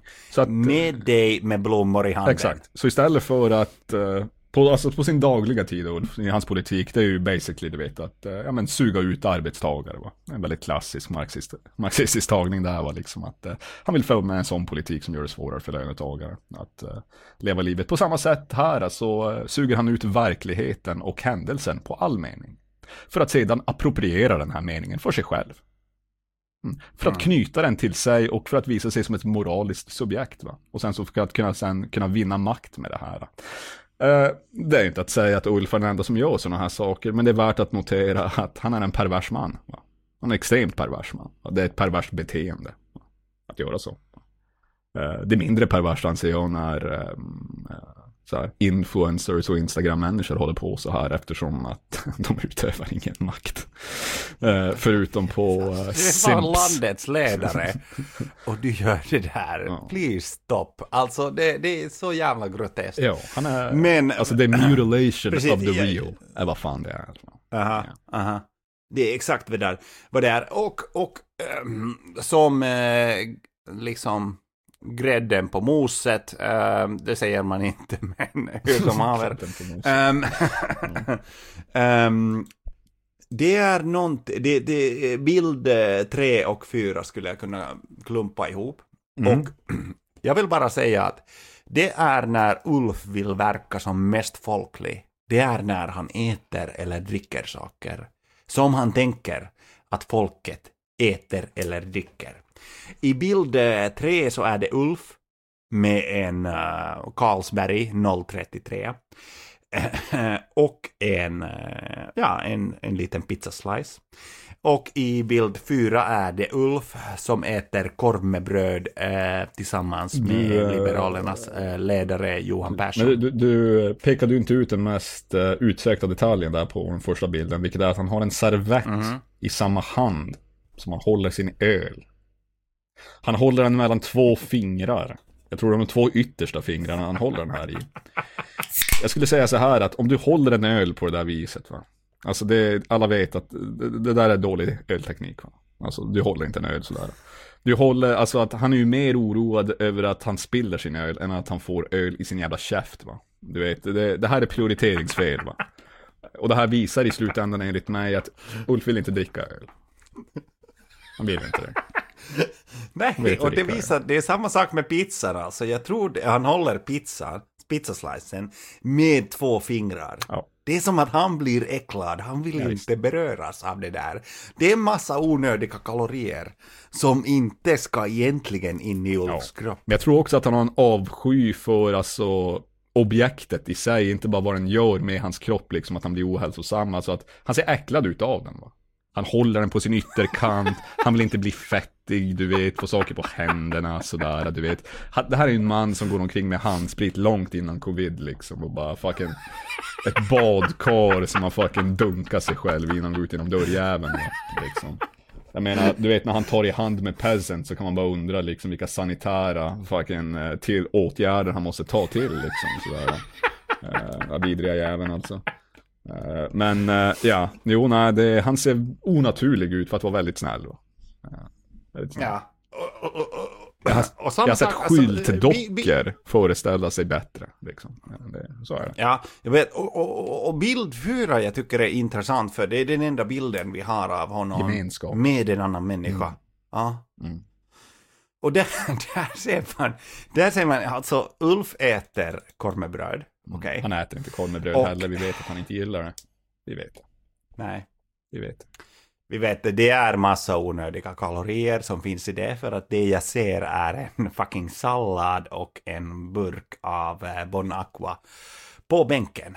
Så att i, den här, i det här, det, de har bara tagit bilden med korv med bröd i handen. Men Tror du, tror du han slänger äter bort den? korven så fort de har tagit bilden? Absolut. Jag tänker det. Absolut. Jag tänker det. Är klassisk så här anorexisk, eh, anorektisk eh, tjej. Precis, men han är, inte, han är inte ens en- villig att lida genom att köra ner fingrarna i halsen, du vet. Han bara slänger den. Eloge till kvinnorna som ändå har lite fucking, du vet, de villiga att lida i alla fall. Liksom. De är inte rädda för det. Och ap apropå, apropå eloge, liksom, inte för att jag gillar den här snubben, men jag måste ändå säga om Johan Persson att han verkar ju som en man som har ätit en hel del korv i sitt liv. Ja. Han ser också ut att vara vek och mjuk som potatismosen som kommer till korven. Eh, ska till, tilläggas för att eh, Pedro är inte en lång man själv, men är väldigt säker på att i ett rum bara kan stirra ner hans ass och dominera honom liksom. Det är no problem alltså. Eh, det här är en vek är ju man, en lång alltså. man, Han är vek, han är mjuk va. Han är kanske är skön och trevlig sådär. Men satan vad vek han måste vara alltså. Det, det, nej, usch. Men det, det är ändå... Barbapappa. och här vill jag ändå säga att, att any given day så väljer jag Johan Persson eh, framför eh, Ulf Kristersson. Men det är som att... Jag vet inte. Alltså... Ja, nej, vi, vi, vi kan gå vidare. vi behöver Ja. inte... Vi, vi, vi ska inte, alltså, nu är det ju så här att vi har siktet på Ulf Kristersson. Vi, äh, jag, jag är inget fan av äh, den här andra mannen, jag glömmer bort hans namn hela tiden. Vad hette han nu, liberal? Johan Persson. Persson. Vad heter han i förnamn? Heter han Johan kanske? Ja, Johan, Väldigt ja. ointressant namn. Uh, alltså att han... han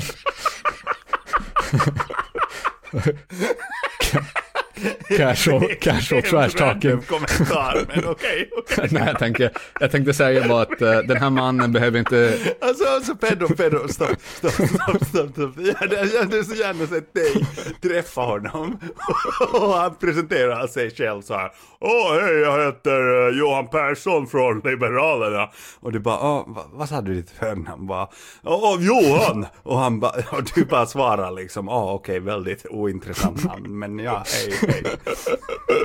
Jag tänkte bara säga att Johan här, den tråkiga man, han behöver inte, skaff, han behöver inte få några stray bullets här som bara kommer eftersom att han är i, i Ulf Kristerssons närhet och vi siktar in oss på honom. Det var olyckligt att jag råkade skjuta honom här i onödan liksom. Vi, vi, vi släpper det. Vi Ja, ja, släpper det. ja. Och, och det, det jag kan säga är att det, det märkliga här är liksom the sexual tension som finns, tycker jag, någonstans mellan Ulf Kristersson och Johan Persson. Att han, Ulf, har valt att lägga sin hand på Johan Perssons axel. Ja. Och Johan Persson har inte gett samtycke till det där. Nej, men jag, om jag ska vara ärlig liksom. eh, du brukar inte behöva ge samtycke för en sån touch, men när det kommer till killar som Ulf. Då, då krävs att man frågar innan va, så att Ulf, du vet då, att... kommer samtyckes, då kommer samtyckeslags Ja. fram. Alltså att ingen vill Och- bli berörd det- av Ulf, men det är inte innan han rör dig som du inte vill bli berörd av honom. Det är när han väl rör dig som du märker, oh shit, den här mannen har aldrig rört någon förut i hela sitt fucking liv alltså. Alltså herregud, Eh. herregud, alltså jag tror att vistas man i hans umgänge så ska man ha samtyckeslagen utskrivet på ett papper och bara visa till Ulf. Det här är inte okej. Och det här handlar om att Anders vill tvinga fram ett kollektivavtal som ska gälla alla, anställda. Och de drar sig inte för att tvinga in andra fackförbund som inte har ett dugg med saken att göra. Vi kör vidare och eh, ja, så var det dags eh, till den andra timmen av eh, Pedro och Pekka var vi faktiskt eh, ska gå igenom Ulf Kristerssons debutbok med namnet Non-Working Generation. Då är min fråga till dig Pedro, varför, varför gör jag det här mot mig själv? Eller varför gör vi det här mot oss själva? Alltså tänk om, man, tänk om vi kunde sitta och prata normala böcker istället, Pedro. Ja. ja. Jag skulle säga att ingen skulle lyssna på oss då. Det är ju den tragiska sanningen. Att, eh, det, det är ingen som lyssnar på oss nu heller i och för sig. Men uh, nej, eh, det är väl lite av det här att veta vad idioter tycker och tänker om världen. Och att uh, det i sig är ett intressant fenomen. Va, som, uh, ja, det, det finns ett överflöd av idioti. Va? Så att jag menar, vad fan. Någon måste sortera det, det riktigt dåliga från det ännu sämre. Liksom. Och, eh, Alltså dessutom så tror jag så här, Pedro, att eh, den här bibliotekarien som går ner till källaren Ja. och får hämta de här böckerna för Pekka ja. i universitetsbiblioteket i Lund Mm. börjar på riktigt bli otro, oroad över mina intressen. Alltså sist så beställde jag Gentiles Che cosa è il fascismo. Och eh, nu Ulf Kristerssons bok från 1994. Ehm, jag vet inte vad de tänker om mig som, okej, hur, hur går det för Pekka här? Vad, vad är han för typ? Precis. Först så läser han Gentile och nu vill han gräva fram Ulf eh, Kristerssons bok från 1994. Precis. Jag tänker liksom om vi har någon lyssnare här som är eh, filosofinördar så bör de känna till att Giovanni Gentile, han är inte bara en fascist utan eh, han var också en hegelian. Ja. Gamle gode Hegel. Och det Pekka gör här är kanske vad den snubbe som, eh, eller det bibliotekarien tror att Pekka gör, tror jag i alla fall. Det är det som eh, snubben som Gentile skulle göra, vilket är en krass hegelianism, vilket är att du skapar en syntes av två, av två, så, två olika ting. Va? Och då har, då har Pekka Giovanni Gentiles bok om fascismen där. Och sen så har han Ulf Kristerssons Non-Working Generation. Syntesen, krass sagt, en krass syntes är inte en sann hegeliansk syntes. Va? Det ska vi inte förvirra med. Va? Väldigt viktigt. Eh, det är att, eh, för jag älskar Hegel. Väldigt Jag viktigt. älskar Hegel Ja. mer än vad jag älskar uh, Baloo. Va? Men, eh, och Ja. i alla fall, då, då, det, det de tror att du är va, är en moderat fascist. Va? Det är min misstanke. Va? Att du är en sån där middle of the road fascist. Alltså du har lite så här tredje vägens borgeri från uh, Ulf Kristersson och sen så har du bara Giovanni Gentiles aktualism eller vad fan han kallade sin filosofi som är uh, som uh, fascist tolkning av Hegel i krassa termer liksom. Uh, Så då har vi dig då Pekka. Den moderata fascisten. Det, det, det är det tankarna som går igenom bibliotekariens huvud. Mm. Så att boken är som sagt från 1994 eh, och jag har räknat ut det här. Ulf var då 31 år gammal. Så att säga att nej men kom igen Pedro och Pekka, ni är jätteelaka. Ulf var faktiskt jätteung då. Det funkar inte. Han var 30 bast. Han okej. såg likadan ut. Han skrev de här, han, han skrev de här sakerna när han var över 30, han var färdigexaminerad och han satt i riksdagen. Mm. Hjärnan hade vuxit klart. Alltihopa, hela köret. Ja. Jajamän. Ja.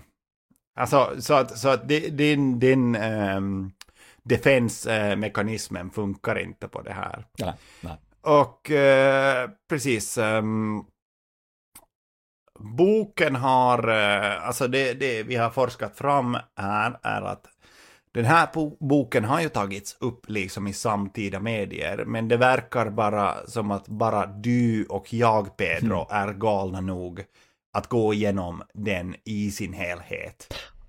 Ja, eller i Ehm, sin, till stor del i sin helhet. Alltså, eh, ibland somnade man emellanåt och glömde bort vars man, Ja. eh, vars man var. Och, Men vi har ändå, sutt, vi har ändå liksom aktivt suttit med den här i handen Ja, ja. och bara hoppats på att ingen ser när man sitter där på ett café och läser det här verket. För då är det lite som att om någon skulle se mig, de skulle tänka att okej, den här mannen, han har aldrig legat med en kvinna. Mm. Jag tror till och med att den här mannen, han har aldrig onanerat. Nej, nej.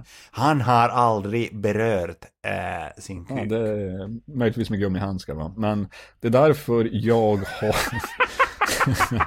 Det är därför jag har eh, en stor garderob hemma och en ficklampa. För i den sitter jag och läser sådana här böcker. Det är ingen som ser mig där. Ingen ser mig. Och där, där behöver jag inte känna skam. Ja, där, där kan Pedro vara sig själv. är- Ingen ser dig och sen så skriker du till och med Ingen! Men, hur som helst. Precis, det enda jag har lyckats hitta här från vår samtid eh, som diskuterar boken är ett eh, artikel från eh, Dagens Arena. Kommer finnas länk i show notesen. Um, artikeln heter Den svenska modellen är som apartheid. Rimligt. Rimligt. Och det är ju liksom ett av huvudpunkterna i Ulfs bok här. Är att, okej. Ehm, men det jag fick lä- lära mig från dagens Arenas artikel här att det var inte så ovanligt inom MUF ja, på 90-talet att jämföra svenska modellen med apartheid. Mm. Så här skriver en eh, statsvetare eh, som heter eh, Sven Dahl om boken. Sven Dahl, statsvetare vid Stockholms universitet och aktiv inom Moderata ungdomsförbundet i början av 1990-talet, menar att Kristersson är inte unik. Så kunde det låta inom borgerligheten på 90-talet. Mm. Man kunde använda apartheid på det sättet. Det var ett ord man förstod, väckte känslor, men man reflekterade inte över att, en helt, att det är en helt barock jämförelse. Det är han som säger allt det här. Det, sk- ja, ja, Okej. ja. det skulle de flesta unga moderater göra idag. Insikten om att förtryck kan ta sig flera uttryck än Sovjetkommunism är mycket större inom M. M idag än vad det, är, än vad det var då, säger Dahl till Dagens Arena. Okej. Så han menade att att- han, han menade liksom det är så här not only Ulf uh, moment eller argumentation som han eh, bygger på här. Att det var ganska vanligt vid den tiden Ja, ja, att var- jäm, jämföra liksom Inom, det fanns liksom en lingo eller en jargong inom eh, Moderaterna då. eh, där man gjorde det här.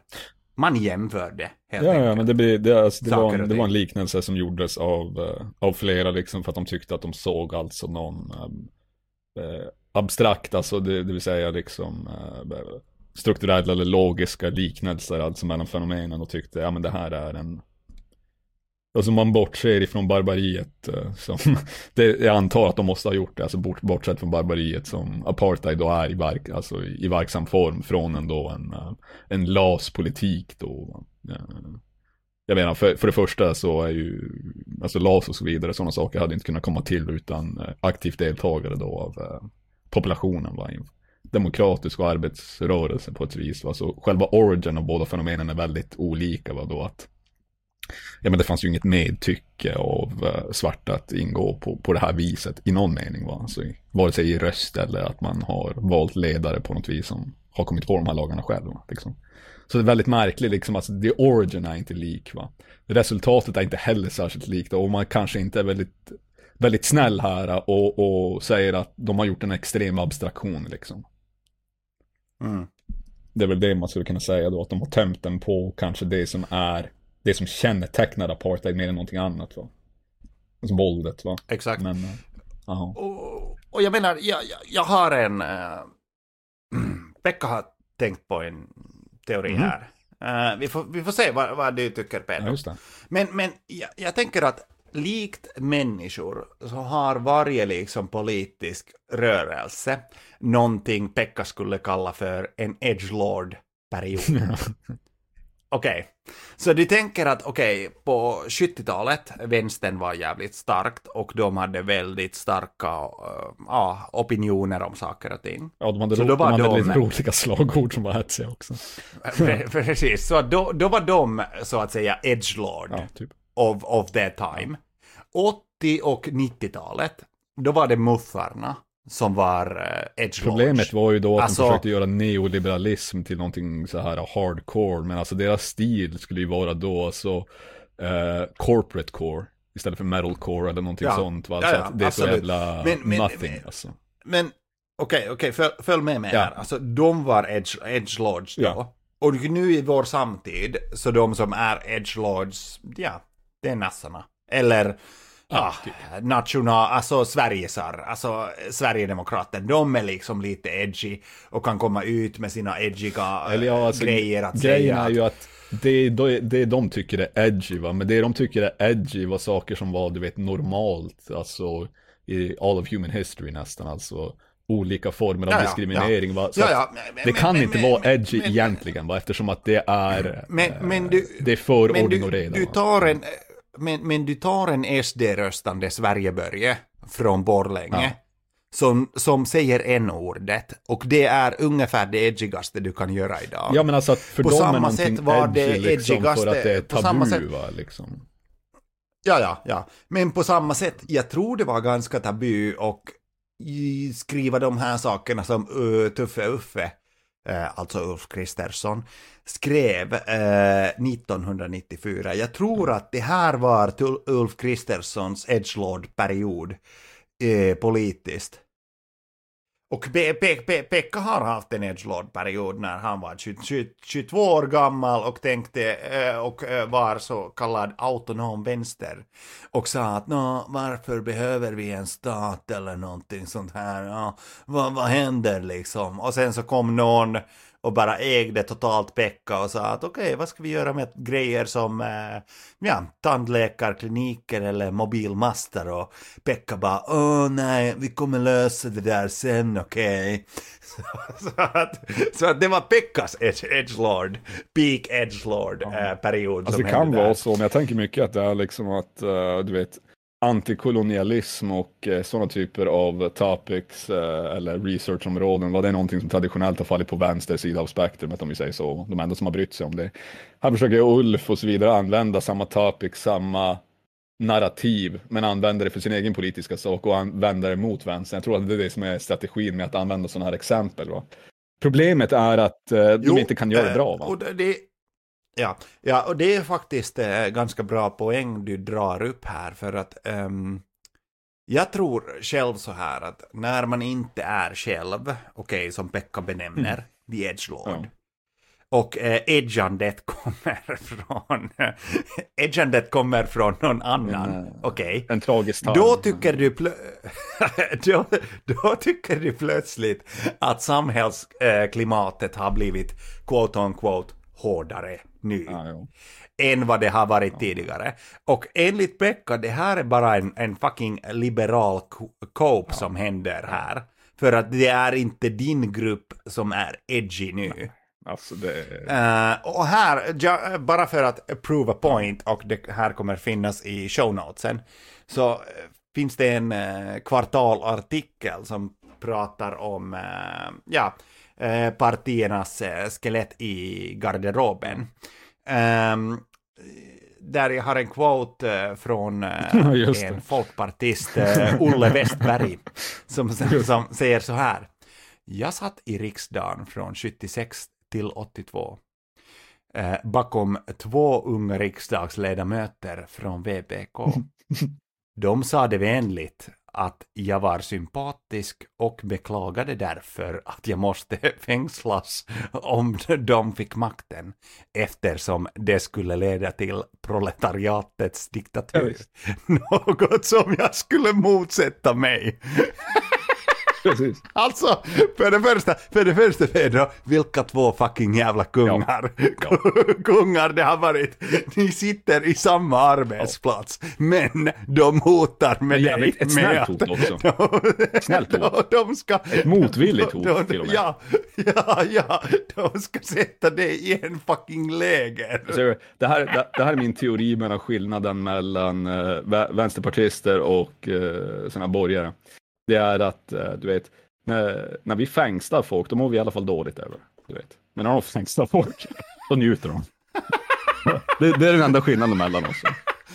Och, och det är en betydande skillnad, för, för nu är Uffe inne i ett bura in blattar-stadie här, liksom, så att jag menar, det, och han njuter av det. det är bara att kolla på bilderna när han står i skogen där, för fan, han älskar det. Pe- pe- pe- Pedro, det klassiska stadiet av ens liv. Bu- Bura plattar in stadiet som välkänt. Det välkända stadiet där. Då. Nej, du vet, efter tonåren och hormonala, ja, såna där eh, grejer som hände med min kropp så fick, gick jag in i stadiet bura alla plattar in.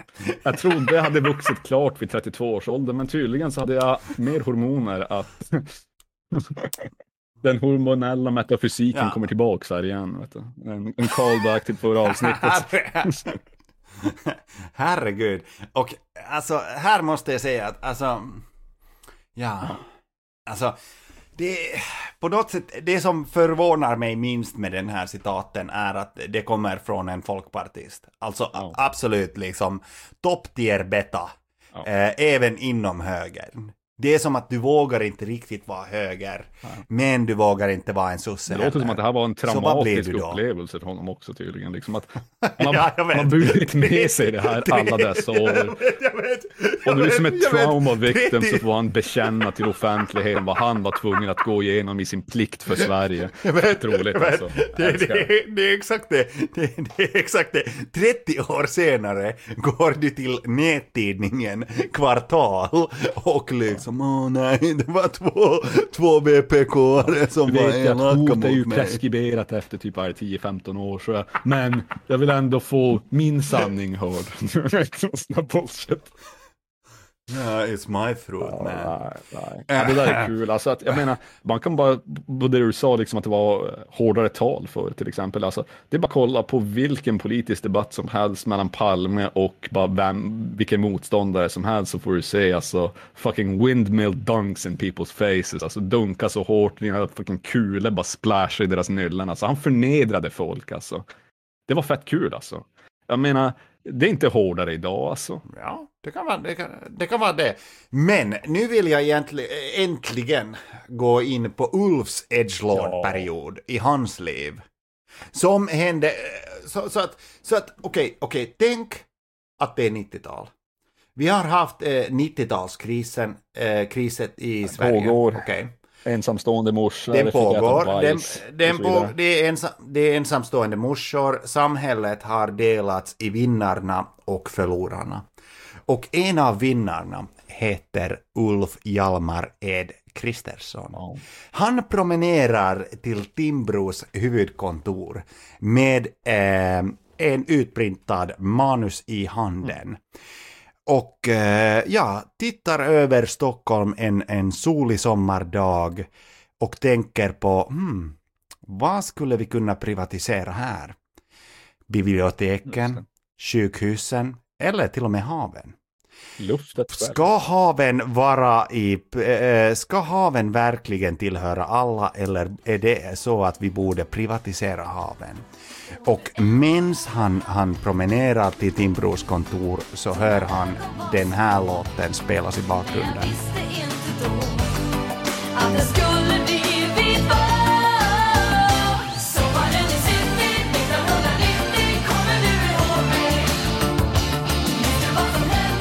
Precis.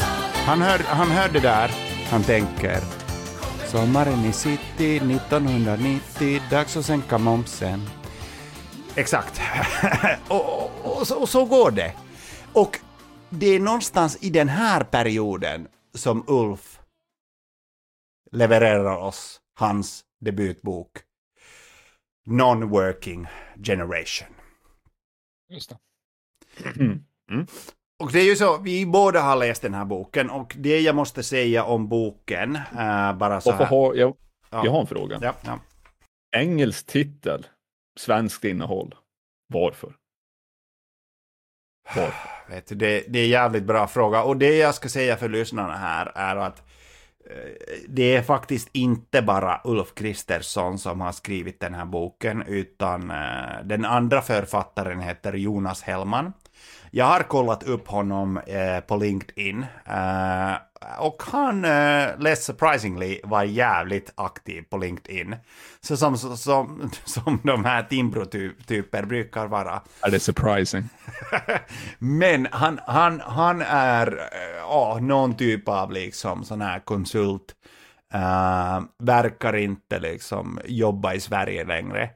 Eh, så vi kommer att utgå, när vi recenserar den här boken, att allting eh, som står skrivet är bokstavligen Ulf Kristerssons ord. Även om han hade någon Robin där, någon konsult-Robin från HR som skrev den här eh, jäveln tillsammans med honom. Och, och, och då, bara för att ni ska få en känsla vad det här är för bok, så tänkte jag läsa det som står här. Alltså, du går in i en, in, eh, i en eh, bokaffär eh, 1994, ser den här boken och sen så lyfter du den och kollar vad som står på, ja, på bakpärmen här. Eh, det står så här. Non-working generation. Arbetslösheten slår automatiskt hårdare mot ungdomar.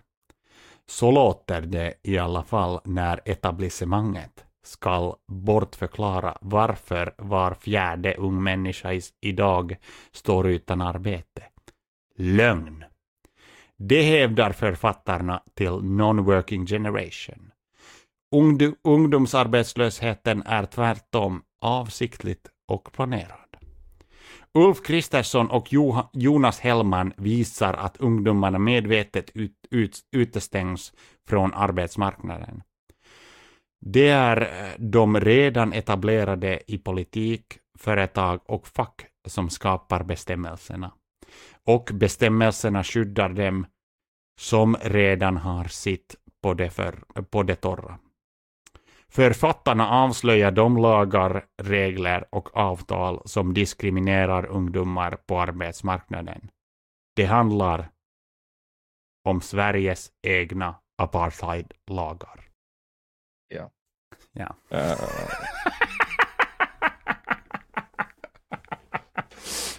Och som vanligt kommer jag och Pedro, vi har granskat eh, mycket noggrant den här boken. Eh, Vi kommer gå igenom varje kapitel för sig.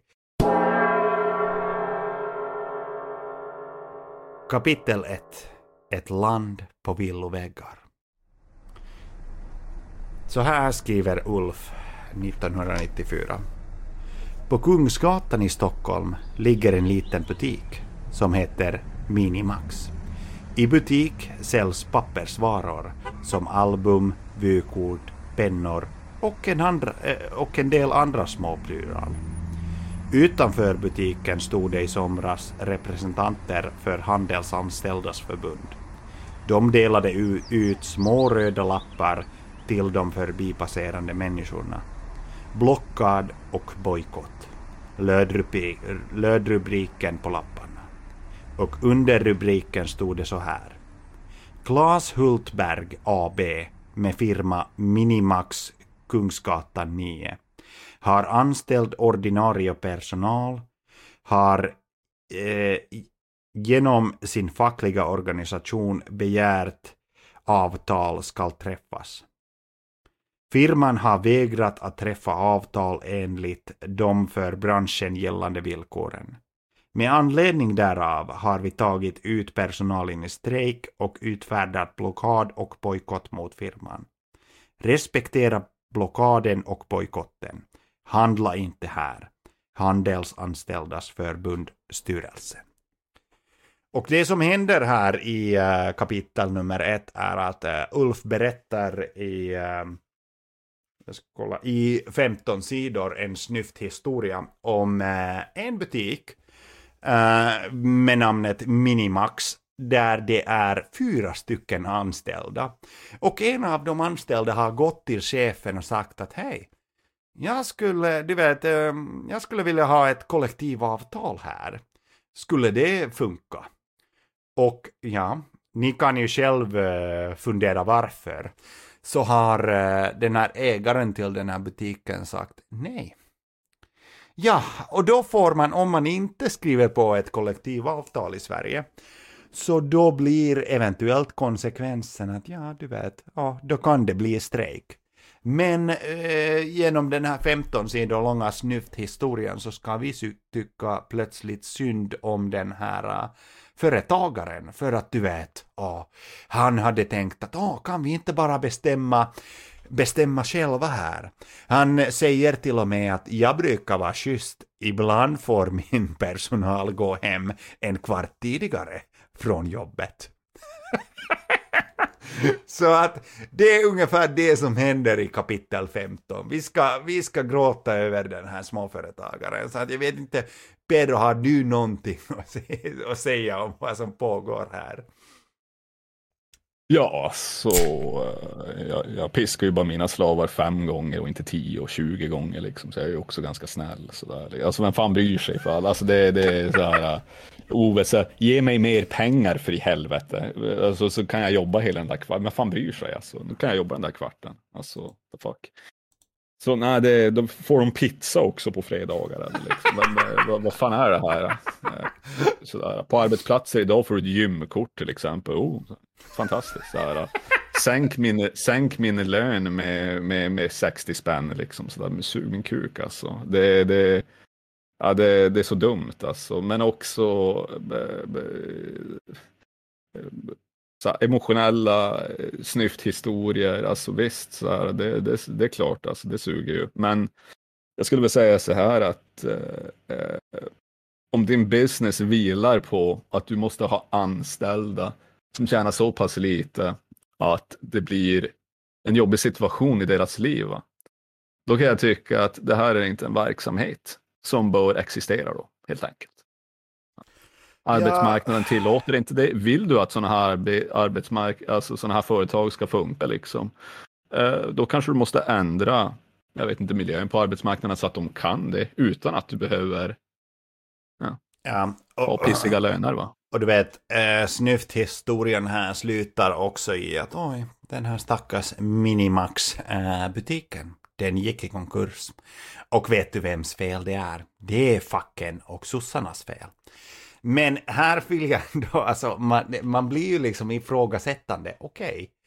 Vad Är det aldrig företagarens fel att de KK? Jo, jo, men vad var det, Alltså, det- också? Också så här.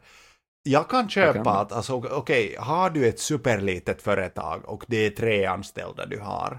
Varför vill ett av dina anställda få kollektivavtal? Hur behandlar du dem? Det här var liksom, det här var 20 år innan metoo. Vem vet vad som hade pågått där? Liksom, ah. Ja, det kan vara så att jag smiskar dem på rumpan ibland, men hej, de får gå hem eh, en kvart tidigare. Så att eh, jag tycker faktiskt att de borde sluta klaga. Nej, men alltså i, i slutändan så vill ju Ulf ha någon form av harmoni mellan parterna och, och så vidare. Och tyvärr så är inte världen så. Va? Det finns ingen harmoni mellan dessa parter. De har olika intressen va? och det kommer att strider att ske. Va? Eh, Ulf vill inte att de här striderna ska ske. Ulf vill inte att konsekvenser ska existera för arbetsgivaren. Va?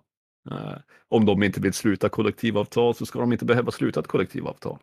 Ja. Det är lite så Men, Ulf men här, här liksom... Och jag kan tycka att, vet du vad, den striden har ni förlorat. Och Ja. den striden kommer ni Men, alltid att men förlora. här li- liksom lite så att okej, det är spelreglerna. Fine, du kan ha ett företag utan kollektivavtal. Men eh, då riskerar du strejk. Okej. Ja. Du valde att ha ett, ett, ett företag utan kollektivavtal. Och vad fick alltså, du? Strejk. Ja. Jag menar, när jag läser det här tänker jag, det är ju bara bra. Alltså, jag är ju för vilda strejker själv. Liksom. Alltså, I don't give a fuck. Alltså, det är bara på arbeten där folk kan dö som jag inte är för vilda strejker. Jag, liksom. Men, jag, jag, jag tar eh, avstånd från det där som ni förstår. ja. Ja. Ja, precis. Det är ju NATO-sosse. Ja. Men jag menar alltså att eh, för mig är liksom strejkandet inom ramen av ett system va, kan aldrig hota ett system. Punkt. Nej. Eh, Så att jag vet inte vad han är rädd för här. Va? Det här det, hela systemet har beräknat in det här som en delprocess va? som ska leda till en konsensus som ändå i slutändan gynnar arbetsgivaren. Va? Så jag vet inte vad han gnäller över här. Visst, småföretagen har man varit jävligt pissig mot i Sverige. Va? Eh, Men min poäng skulle ju vara då, okej, gör det där, kan sänka företagsskatten för småföretagare för att de genererar så pass lite pengar för vår ekonomi. Men höj dem då på storföretagen. Nej, det är ingenting som Ulf föreslår i den här boken i alla fall. Kapitel 2. Svensk apartheid. Mhm. Och här, här, här vill jag säga, liksom, det, det är säkert, jag tror att det är den här, det här kapitlet som vi kommer att fokusera på mest. Ehm, och jag måste säga, liksom, till vår diskussion tillbaks där om edgelordandet. Alltså varför gör Ulf det här? Varför nämner han ett helt kapitel som svensk apartheid? Alltså är det bara liksom, han, han gör någon shock value-grej här? Är det för att han vill vara edgy? Eller tror han Tror- det här på riktigt? Nej, alltså att jag tror att eh, för att för att få folk mobiliserade mot alltså någonting som är så accepterat och eh, del av den svenska vardagen som LAS till exempel eller bara kollektivavtal och dylikt. Alltså att försöka skrämma upp folk med att detta begränsar deras friheter på massa olika vis och är någon form av diskriminering. Va? Eh, jag tror inte att han kan få fram sådana argument genom att bara prata om saken själv. va. Det enda sättet han kan få det här till att bli om en frihetsfråga i den här meningen som han försöker få det till, det är att eh, jag först måla upp en bild om ett genuint hemskt fenomen. Va? Mm. Liksom. Man kan tycka att det, den anställningsformen vi har i Sverige är dålig och har dåliga konsekvenser och så vidare. Va? Eh, men eh, men det, det kan aldrig bli dramatiskt ehm, på det där sättet. Va? Det kan aldrig bli starkt. Va? Det kan inte få en emotionell respons ur folk på det sättet. Så jag tänker bara att det är taktiskt va? att göra det på det viset. Va? Ingenting annat. Ja, och, liksom grejen här är att han, okej, och jag köper det, det var ganska tufft eh, på 90-talet i Sverige. Ehm, det, det var liksom inte så enkelt. Och han, eh, ja, Ulf väljer att belysa det med flertal anekdoter, såsom följande, eh, i början av kapitel 2 av Svensk apartheid.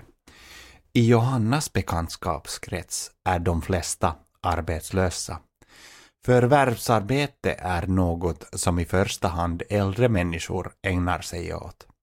Alla behöver en identitet att vara stolta över. För äldre människor brukar denna identitet vara arbetet. För Johanna och hennes kompisar är det arbetslösheten. Det kan tyckas konstigt att någon kan känna sig stolt över att vara arbetslös.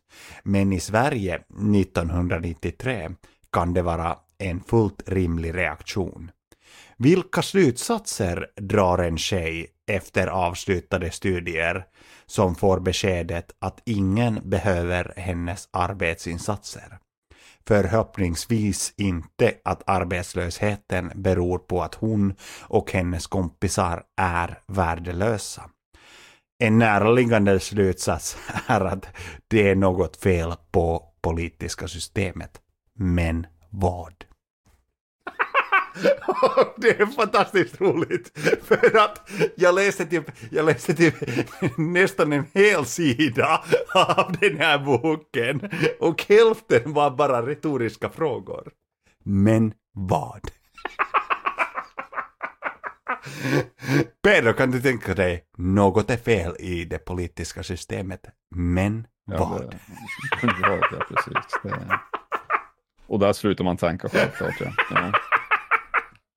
Nej, alltså eh, en sak jag med är, jag har alltid funnit det här väldigt mystiskt. Va? Låt oss säga att du är arbetsför, vad du arbetar på, jag vet inte, ICA, IKEA, ett lager, Max, du arbetar i en industri. Va? Eh, när han säger att alla behöver en identitet att vara stolt över.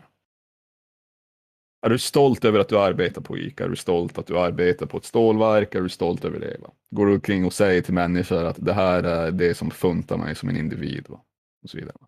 Det är onekligen en del av din klass, alltså man tar ett index av dig, vad du är som människa när du är född, vad du är sysselsättning med, vad din utbildning är. Ja, det kanske är relevant fakta om dig. Men om det är din identitet då är jag förvånad över att du inte har begått självmord. Alltså. Eh, för mig är det det mest tragiska jag har hört i hela mitt jävla liv. Alltså. Om det är vad du grundar identitet på i ett samhälle där, om vi talar om det, arbetskraftsmarknaden, arbetsmarknaden. Va? Eh, kan det finnas någonting mer meningslöst än det? Du går, du söker jobb bland massa olika jobb. Du bryr dig inte om vilket jobb du får, så länge du får ett fucking jobb och får pengar. Det är den världen vi lever i. Va? Och här ska vi vara stolt över de jobben. Va? Håll käften.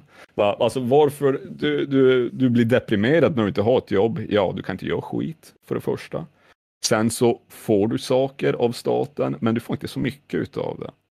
Och sen så är alla dina relationer oftast kopplade, ditt umgänge kopplade till arbetsplatser och grejer. Liksom. Så att du socialiseras främst därigenom.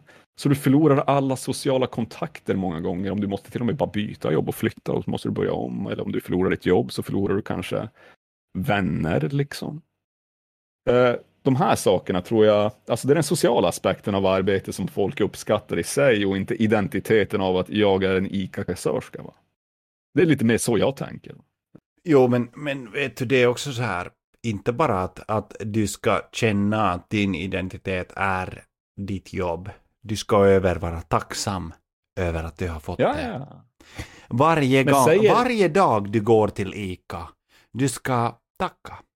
Du ska tacka det kapitalistiska systemet att ja, jag heter Malin och jag får jobba på när ICA. Det är minsann jävligt viktigt. Jag bidrar till samhället för att jag jobbar och jag heter Malin. Exakt. Och det här är varför borgare alltid kommer att torska mot fascister när det blir hetsiga omständigheter. För att nazisterna kan säga, stå upp, försvara ditt land. Va? Och de här kan säga, stå upp och var stolt. Jobba jobbar på ICA. Det är därför man förlorar då, i ett nötskal. Det är därför man förlorar. Och, Eh. och, och, nej, nej, men vet du vad? Det- Deras analys kanske stämmer. För att som ni som har lyssnat på bonusavsnittet sist, så vet, eh, vet ni att de som jobbar på ICA-posten, de tar alltså sitt jobb på jobb väldigt, seriöst. väldigt stort allvar. Det Det är är som att jobba på alltså. en myndighet. Nej, alltså det här är ju ICA-posten, så att du Pedro, du får visa upp ditt lägg. Ja, just det. Sinnessjukt. Det- är, oh, vilken utläggning det skulle kunna bli. Jag skulle kunna skriva böcker om det där fenomenet. Men uh, uh, för att återgå till den idiotiska Ulf, va? Uh, alltså, men just den där grejen som du säger, man ska vara tacksam också. Men sen säger han ju någonstans där, liksom, förhoppningsvis har de inte dragit slutsatsen att de är värdelösa. Men säger inte han samtidigt att de är värdelösa då han säger att deras identitet är knuten till arbete? Och då de inte har ett arbete så har de ingen identitet. Är inte det han, exakt det han säger att de är? Det han inte vill att de ska tycka Alltså om sig han själva. tycker, för att eh, här, och jag tror, jag, jag, jag tror inte vi har tyvärr den quoten med här, men eh, jag trodde ju själv här när jag såg liksom boktiteln, och det heter Non-Working Generation. Jag trodde att, okej, men hej, Ulf, du har liksom kommit på ett lite roligt ordspel här. Ehm, för att vi har ju en organisation som heter Non-Smoking Generation, alltså anti-tobak tobaksrörelse. Och jag tänkte att okej, shit Ulf, du har kommit på någonting här. Men eh, det visade sig i boken att det handlade om en faktiskt organisation som fanns på 1990-talet. Och att Ulf, Ulf blir helt, helt blåst så här. Hej, hur kan, de, hur kan de ha en organisation om de inte jobbar? Hur kan de vara stolta över det? Och för att fortsätta så här. ehm, Innan jag kommer till själva apartheid-grejen här så skriver Rolf så här. Varför just ungdomar? Hur blev det så här? Ja, enligt de svenska politiker är arbetslösheten bland ungdomar alltid högre än arbetslösheten bland äldre människor. Så har det alltid varit, brukar de säga. Dessutom är det så i andra länder också. Att den svenska ungdomsarbetslösheten har ökat så dramatiskt under de senaste åren skulle enbart vara ett resultat av den internationella lågkonjunkturen. Vi tror inte det. Det enda som talar för att en ökning av den totala arbetslösheten automatiskt skulle slå hårdare mot ungdomar än mot äldre människor är att de senare har hunnit etablera sig på arbetsmarknaden. Deras erfarenheter från arbetslivet gör att de är mer attraktiva för företagen. Men annars talar det mesta emot för att en ökning av den totala arbetslösheten borde slå mindre hårt mot ungdomar. 20-åringar har ofta inte hunnit stadga sig och skaffa en egen bostad. Därför har de lättare att flytta dit där de lediga arbeten finns. Och resten kan ni leva själva för att jag känner att läser jag mer av det där paragrafet så kommer Pekka på riktigt få en hjärnblödning här. Live. I och för sig, Eh, det men- skulle ju vara content, men... Då skulle det också vara slut. men det skulle också vara the last content we provide. Ja, visst. Jag kommer inte att sitta själv, det kan jag lova. er. Eh, Men eh, ja, en gång här blir jag förvånad över att eh, på en andra gång när jag läser den här skiten att eh, precis som i förra stycket så verkar han ha förklarat varför det är som det är och samtidigt bekräfta sin motståndare. Väldigt märkligt här. Alltså att han säger att den totala arbetslösheten inte skulle slå hårdare mot ungdomar, eh, alltså bara av ingenting liksom. Okej. Men om en lågkonjunktur inträffar och de är, som är mest attraktiva är de med erfarenhet, det vill säga de som är äldre. Är det inte då naturligt att ifall det finns färre arbetstillfällen så spelar det ingen roll ifall ungdomar kan flytta runt mindre ifall de har mindre arbetserfarenhet? Om det är arbetserfarenhet som är måttet så kan vi ju inte trolla fram det. Va? Eller hur? Det vi måste i så fall göra är någon form av, jag vet inte, subventionering eller eh, någon annan dylikt eh, så här ingrepp liksom. Men att jag, jag förstår inte, fattar du vad hans argument är där liksom? Säger det inte det sig självt liksom att det blir så då? Ja, nej, det, det är jättekonstigt. För att eh, genom hela den här boken så säger de "Åh, ungdomsarbetslösheten är hög. Men den skulle inte behöva vara så hög. Och sen så när de ger sådana här argument, det är som att you're providing me with the arguments. För att han säger själv att ja, det kanske beror på att ja, om man är fan 22 bast så har man inte så mycket erfarenhet. Och då blir du inte högt prioriterad till de nya jobben. Det är jättekonstigt resonemang han gör. Han vill på något sätt säga att okej, ja, nej, det beror inte på att ja, ja, en 50-årig eh, vad vet jag, svetsare har mer erfarenhet än 21-årig, utan nej, det är ett strukturellt förtryck av 21-åringar. Det pågår alltså ett strukturellt apartheid mot ungdomar i Sverige. Och här vill jag faktiskt, eh, Pedro, ehm, Mm. fortsätta in till stycket där Tuffe Uffe, Ulf Kristersson, vår statsminister droppar apartheidbomben. Så lyder det. Det är nästan som apartheidpolitiken i Sydafrika. Vi vet att en sådan jämförelse bryter mot alla politiska e-, etikettregler. Facket är heligt i Sverige och apartheidpolitiken i Sydafrika är det värsta som finns. Men vi tycker ändå att li- liknelsen är bra. För att tydliggöra att, att det faktiskt handlar om diskriminering. I Sydafrika finns det lagar som ger de svarta underläge på alla möjliga områden i samhället. I Sverige finns det lagar som ger ungdomar handikapp eh, framför allt på arbetsmarknaden. Vad det handlar om är gradskillnad, inte en artskillnad. Den sydafrikanska regeringen införde på 1920-talet ett golv för hur låga löner företagen fick sätta. Det det uttryckliga syftet med lönegolvet var att förhindra att de svarta arbetarna eh, inte skulle utkonkurrera de vita. De svenska apartheidlagarna är... Förlåt. De, de svenska apartheidlagarna är inte lika lätta att genomskåda. Oftast är de mer sofistikerade än de sydafrikanska. Det framgår inte av lagtext av att lagarna är till för att diskriminera ungdomar. Det är bara det blir så när de tillämpas. Just det. Så om det inte är avsiktligen effekten, då kan det ju inte vara apartheid, va? för det första. För då är det en latent effekt, liksom sådär. Alltså, eh, eh, makes no sense. Va? Men eh, alltså, bara vidare liksom. Om vi ska, jag försökte förstå det här argumentet liksom så allvarligt jag kan göra liksom sådär. Eh, Okej, liknelsen mellan svenska ungdomar och svarta i Sydafrika. Det här är en kommentar jag skriver ner för att uh, jag var tvungen att få ut i min hjärna liksom. Uh, och det jag kan förstå och vad han har gjort här, alltså han har gjort en abstraktion då för att uh, så här, um, komma närmare du vet, likheterna mellan fallen och bortse från olikheterna. Ja, okay. svarta hade hinder. Svenska ungdomar har hinder. Okej. Eh, det, det är ungefär det jag fattar av det. Ja. Nej, Eh, precis. men, att, men, men, men, att säga att det man hade i Sydafrika var hinder. eh, Det är att missförstå situationen ganska otroligt. Va?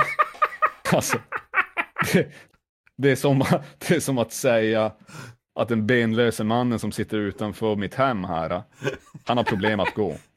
Han har lite svårt att gå. Du vet. Eh, du vet, du undersäljer det här problemet lite grann om vi säger så.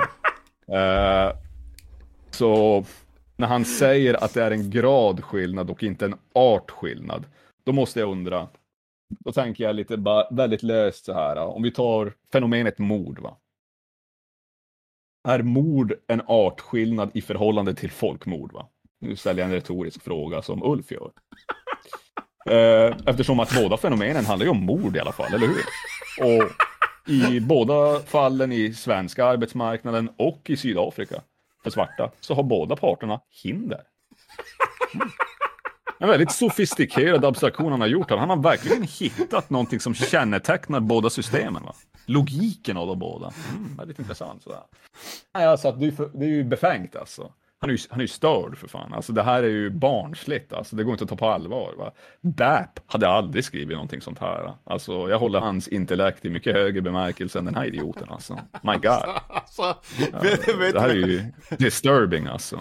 För han gör ju inga argument. Alltså vad är argumentet ens? Vet Alltså, han har inte nej, nämnt nej, någonting. nej, vet du, hans argument kommer här. Jag, jag, jag har eh, till och med satt eh, på, på, på, det- på en pdf här och Ja, understrukit att typ hans, hans, förtryckte liksom. Alltså. alltså, hans argument är ju att ehm, vi vet att en sådan jämförelse bryter mot alla politiska etikettregler. Ja, men det är inte av anledningen facket- han tror det. Fa facket är heligt i Sverige och apartheidpolitiken i Sydafrika är det värsta som finns. Men vi tycker ändå att liknelsen är bra. Så han ger inga argument för det. Han bara säger att nej, men eh, jag, vet, jag vet att det här är lite edgy, men jag tycker ändå att det är ganska bra. Ja, det är sant. Det är alltså, hans argument, eller rättfärdigande, är hans subjektiva uppfattning av hans egna argument, vilket är fantastiskt. Eh, det, det, det är så man bör resonera, tycker jag. Så jag resonerar själv alltså. Men eh, Nej, jag vet att den Nej, här, eh, alltså jag vet att den här jämförelsen eh, jag drog här var lite unjust, men, Men, eh, men, men, han, men han har ju också missuppfattat, tror jag, varför många tycker att det här är kanske en liten vidrig jämförelse. Det är inte för att fack nödvändigtvis är heliga. Alltså jag kan tycka att facken i Sverige skulle kunna vara eh, politiskt korrupta på en nivå likt, inte fan vet jag, Sovjet back in the days. Va? Det skulle fortfarande inte vara en rimlig jämförelse med apartheid. Alltså. Det skulle inte vara det. Det skulle inte vara det alltså. Det, det, det spelar ingen roll hur illa de här facken är. Ifall de här facken inte fucking mördar folk och lägger in dem i en slavaktig ställning i samhället. Va? Om de inte gör det, va? Jag vet vad, det är inte samma fenomen. Va? Liksom, sådär. vet Du du, vet, det- Manson, du vet, Manson-familjen var en familj. Men eh, likt en vanlig familj, eller hur? För båda hade ju som en, ja, men liknande, alltså det är, alltså det är så dumt. Alltså. Det är så dumt. Men vet du, ja, han... Okej, Okay. så där droppade han apartheidbomben så att säga. Och efter det, i det här kapitlet, så maler han bara på. Han bara fortsätter med det här. Okej, nu, nu har vi fått höra att okej, vi har apartheidlagar i Sverige. Och, och okej, då är man som läsare, man Nej, är, nej, nej, nej, Man nej. är, Vi, har, vi har hört att han tycker att vi har apartheidlagar. Han har inte sagt någonting om, han har inte beskrivit det här Nej, nej, nej, vi- vilket han kommer att göra senare. Men, men han har ändå nämnt att han tycker att det finns eh, apartheidlagar i Sverige 1993. Rimlig jämförelse. Och så fortsätter han så här. Så de apartheid-aktiga lagarna, de fanns väl där när bara borgerligheten kunde rösta. Du vet, det hans parti gjorde. Du vet att du var tvungen att äga mark och så vidare. Saker. nej, nej. Och så fortsätter han så här. Han bara, för det han gör är att han presenterar sitt argument som heter apartheidlagar.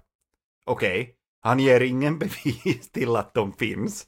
Och sen så fortsätter han använda begreppet och fortsätter så här. Och här kommer ett stycke ur eh, kapitel 2 här. Ett sätt att mäta apartheidlagarnas styrka är att jämföra hur, hur stu, stor andel av den totala arbetslösheten som utgörs av ungdomsarbetslöshet i olika industriländer. Enligt OECD har Kanada, USA, Japan, Finland och Frankrike en lägre andel ungdomar bland de arbetslösa än Sverige. Bara i Sydeuropa och i Norge är andelen högre än oss.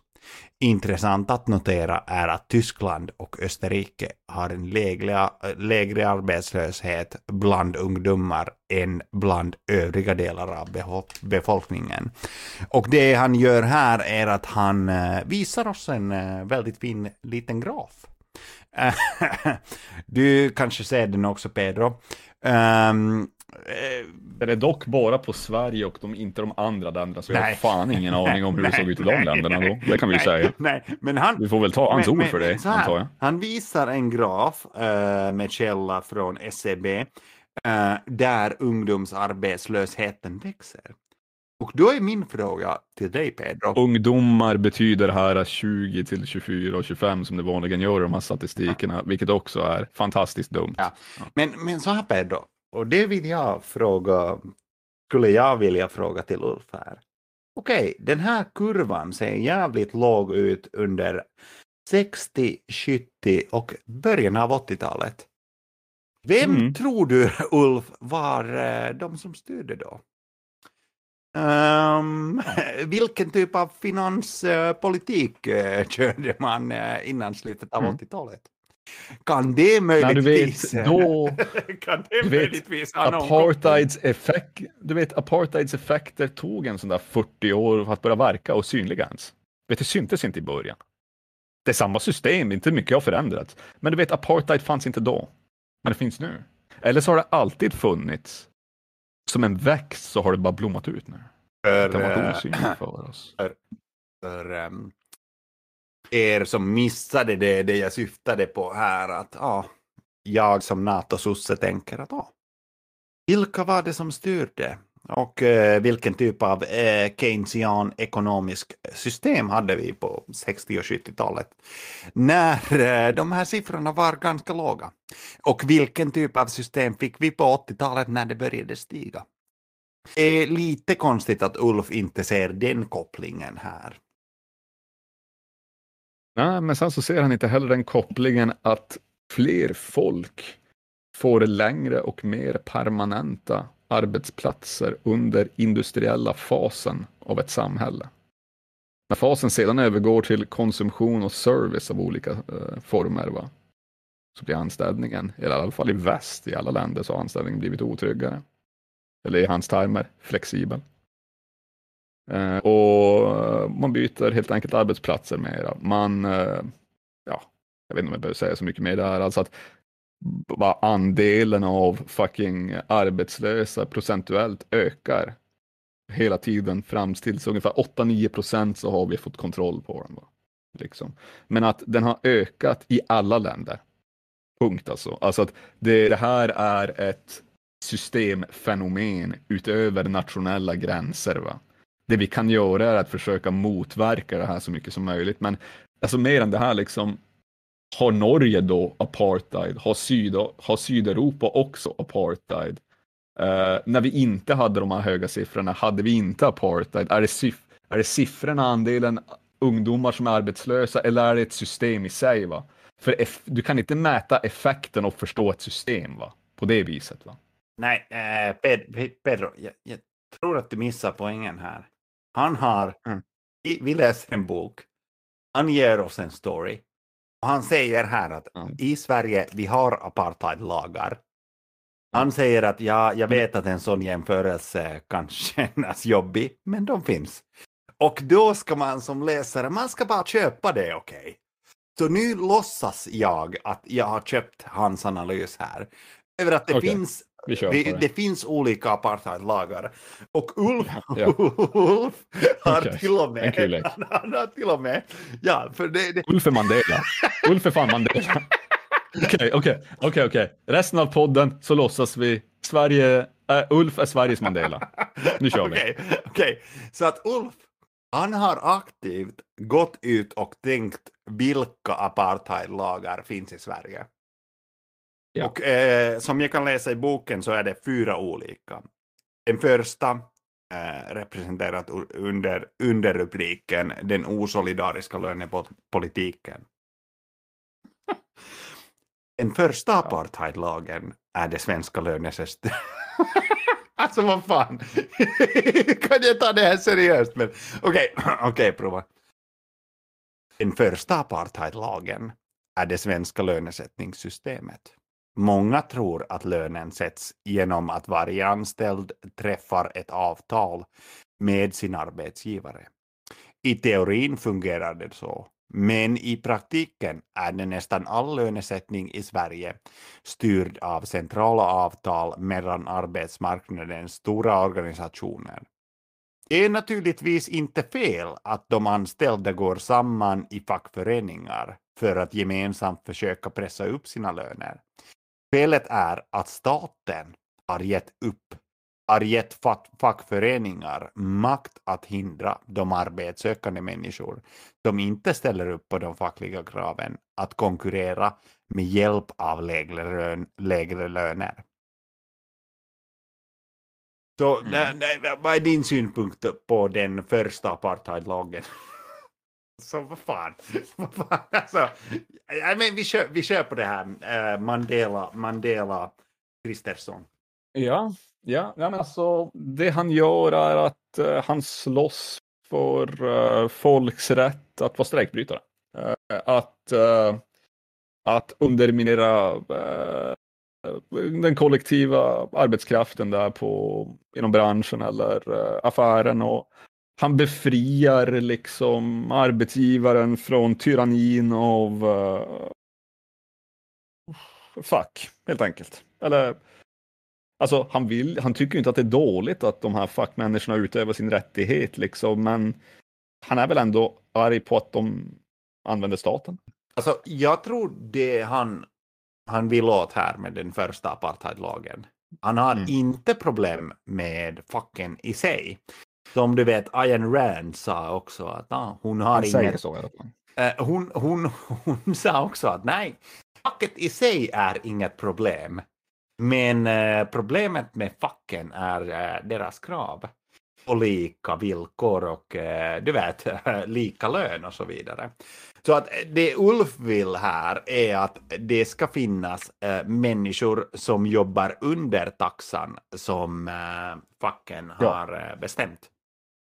Ja, det är ungefär det. Det är det enda jag kan utröna från hans argument, liksom. Det är att ifall folk som, inte, som är villiga att arbeta för mindre, alltså för lägre löner, alltså Mm. ungdomar eller bara andra människor, eh, och på så vis då kunna dra ner, eh, alltså att tvinga med den här akten då tvinga de andra arbetarna att också förhålla sig till lägre löner i och med det. Eh, och det tycker jag Ulf är en form av frihet då och inte att det går in i händerna i arbetsgivaren då Mm. på så vis. Liksom att de får lägre kostnader här. Och på vis så vill han då inte att de ska vara backade av staten. Okej, att de får inte ha den här rätten att hindra andra människor liksom. Men eh, vad händer då ifall staten eh, liksom, eh, jag vet inte, varför ska staten backa upp företag liksom? Alltså de backar väl också upp dem va? Ifall våld görs mot dem så kommer polisen. Varför ska de skyddas av staten då? Varför Jo, ska de men, få någon makt av staten? men vet du, eh, hans första misstag här är ju att han vill vara liksom pro-företag. Men samtidigt ha en jävligt låg eh, arbetslöshet. Men eh, som företagare eller som en kapitalist vill du absolut inte ha en superlåg eh, arbetslöshet. Nej, För det är fucking dumheter. Då är det arbetstagarens eh, marknad som gäller. Ja, för då, går, då kan lönerna gå upp. Ja. För då, har du, då kan du pressa kapitalisten. Alltså att eh, drömmen för dem är ju att ha en jävla reservarmé av Ja, typ eh, 10-15 procent. Ja, eh, det, är- alltså, då- då- det, det är kanske lite väl mycket, va? men alltså för att det kan hota att destabilisera konsumtion. Va? Mm. Eftersom att vi är ett konsumtionssamhälle nu, så det får inte bli för mycket. Va? Men alltså, Nej, men någonstans där vid 8-10 är ju bra, alltså. Ja. ja, ja, det kan funka Alltså liksom, för, för dem. Då kan du liksom, men det Ulf drömmer om här och sitter och runkar om är ju liksom att, att det ska bara finnas arbetare som kan, eh, bokstavligen, det här är hans ord, not mine. Ehm, människor som inte ställer upp på de fackliga kraven att konkurrera med hjälp av lägre löner. Att det här är det som är kul. De vi ser honom som uh, Ulf Mandela. Och det kan bli hans nya namn nu va? Ulf Mandela. Mandela Ulf. Uh, det, det är att du vet, han ville ju, han ville ju, likt Mandela va, så ville han ju befria ungdomar. Eller hur? Och för att befria ungdomarna, det enda sättet att befria dem från arbetslöshet är att befria dem till jobb, föra dem till jobb med låga löner. Eller hur? Vilken kämpe han är. Ja, jag vet. Eller? Det är fa- fantastiskt alltså att nu ska jag slåss att ungdomar kan få låga löner. Fan vad nice. Ja, men jag ser också liksom framför mig, när du säger Ulf Mandela, så ser jag framför Mm. mig en figur med stora vader och med en sån här Superman-kappa. Äh, Som där- inte knullar sin fru. Mm. där, där han bara kommer in i ett rum och ska, ska säga jag är superhjälten som ska ta bort kollektivavtalen. det var, det var Mufs... Jag kommer eh, till ungdomars räddning. Jag ska sänka praktikantlönerna så att de måste ut och söka andra jobb. Jag kommer att där. Jag kommer få dem att utöva sin frihet. Yes. Det där, det, det där är eh, bokstavligen det som hände på en halloweenfest eh, för MUF eh, 1994. Ulf kom där med sin Superman-outfit, eh, men istället för att vara Superman så var han en skattesänkarman. Och eh, ja, ville bara att alla ungdomar skulle få jobb. Jag av mer att han kom, han kom i blackface som Mandela.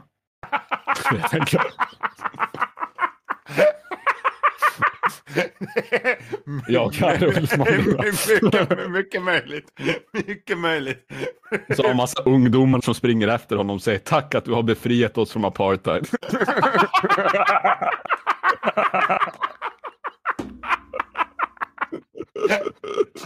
The Pied Piper av ungdomarna i Sverige. Han leder dem ur bondage. Han är som Moses i Egypten. Vilken man. Han är så jävla sjuk i huvudet alltså. Ulf Moses Kristersson. Det är mycket, mycket namn här på de facto typ heliga personer från våran historia liksom. Du har, du har Moses, du har, du har Mandela, du har Jesus, du har Ulf. Liksom. Det är what you got. Liksom. Ja, men det på- påvisar återigen att Darwin hade fel. Vi går inte Ja. åt rätt håll i utvecklingen. Nej. Human degeneration, onekligen. Så att det här är en shout-out till uh, Bronze Age Pervert. Men hur som haver, han fortsätter med den andra apartheidlagen. Och så här skriver Ulf. Den andra apartheidlagen är anställningstryggheten. På en fri arbetsmarknad skulle de anställda och arbetsgivarna själva komma överens om innehållet i anställningskontrakten. De skulle bestämma inte bara hur hög lönen ska vara utan också om semestern, arbetsdagens längd och hur länge kontraktet ska gälla och så vidare. Men så fungerar det inte på den svenska arbetsmarknaden. Olika arbeten kan innehålla väldigt mycket olika arbetsuppgifter. Att arbeta som en expedit i en, i en jourbutik skiljer sig mycket från att arbeta som dataoperatör i ett modernt företag. Det finns därför goda skäl att tillåta olika former av, av anställningskontrakt. Reglerna eh, om att arbetsdagen ska vara åtta timmar och att, de arbe och att de anställda ska ha fem veckor betald semester har sina rötter i industrisamhället. Idag skapar sådana bestämmelser mer besvär än vad de gör nytta. Så där är, där är Ulfs eh, andra apartheidlag. Eh, ja, alltså. Alltså det, grejen är ju alltid att flexibilitet för det första ligger på arbetstagarens sida och inte arbetsgivarens sida, självklart. Liksom. Det är ju, eh, alltså det, det är ju alltså det, är, det är det första man, man tänker på här. Men alltså att eh, flera olika arbetsformer, alltså att han försöker göra någon jämförelse här med liksom att det är eh, Alltså han försöker göra en liknelse med att långa anställningsformer är likt typ slaveri eller? Visst är det så? Ja. Ja. ja. Eh, alltså, om du kan säga upp dig när som helst som arbetstagare, va? Alltså med, du har uppsägningstid självklart på ett par veckor eller en månad beroende på vad det är för arbetsplats, men du kan säga upp dig. Alltså. Eh, då förstår jag inte, jag förstår inte liknelsen. Förstår du liknelsen? Alltså att flexibiliteten som finns, om de vill ha den så kan de ta den. Problemet alltså- är att han vill påtvinga flexibilitet på folk. Va? Så här, Det är det som är grejen. Så här Pedro, alltså nu ska jag bluepilla dig. Här. Och tänk, tänk så här att nu har vi köpt argumentet att det här är apartheid. Och sen så går Mm. vi bara igenom olika former av apartheid. Och Mm. eh, som, som, det som framgår i apart, den andra apartheidlagen här är att eh, en bokstavligen apartheidlag är att eh, anställningstrygghet. Så det Ulf har problem med här det är att arbetare känner sig för trygga på sina arbetsplatser. Ja, de behöver få en lite av en spark i arslet för att utöva sin frihet va, liksom på arbetsmarknaden av att välja nya masters att tjäna och så vidare. Mm, Och det är mycket bättre att ha flera olika masters eller en serie av masters än att ha en master hela tiden tydligen. Eh, Så, som du kan säga upp dig från och välja en ny master när som helst. Liksom. Men eh, okej. Ja, men jag förstår logiken. Det är eh, variation i livet. Va? Det är, eh, du vet, man vill inte äta jordgubbsglass varje dag. Va? Jo, men också så här att, att Ulf tänker att okej, men hej, kanske inte alla behöver fem veckors semester. Kanske inte alla behöver åtta timmars arbetsdag. Och vilka Folk tror du- behöver arbeta här- 12 så här- timmar och inga semester. liksom. Ulf, Ulf, Ulf, skulle du av någon jävla anledning råka lyssna på det här? Vilka tror du att det är som kommer att tacka nej till ett åtta timmars eh, långt arbetsdag? Vilka tror du att kommer säga ja, jag tar gärna en månadslön, men det är helt okej att jobba 13 timmar om dygnet. Ja, ja, please anställ mig. Vilka tror Mm. du Ulf? Om du har ett svar Ulf, eh, skicka gärna ett, ett eh, meddelande eller en e-post eh, till oss på pedropekka.proton.me. Sitter i spänd väntan. Men... Vi får se, jag, jag tror inte det blir så. Men vi kan röra oss mot den tredje apartheidlagen.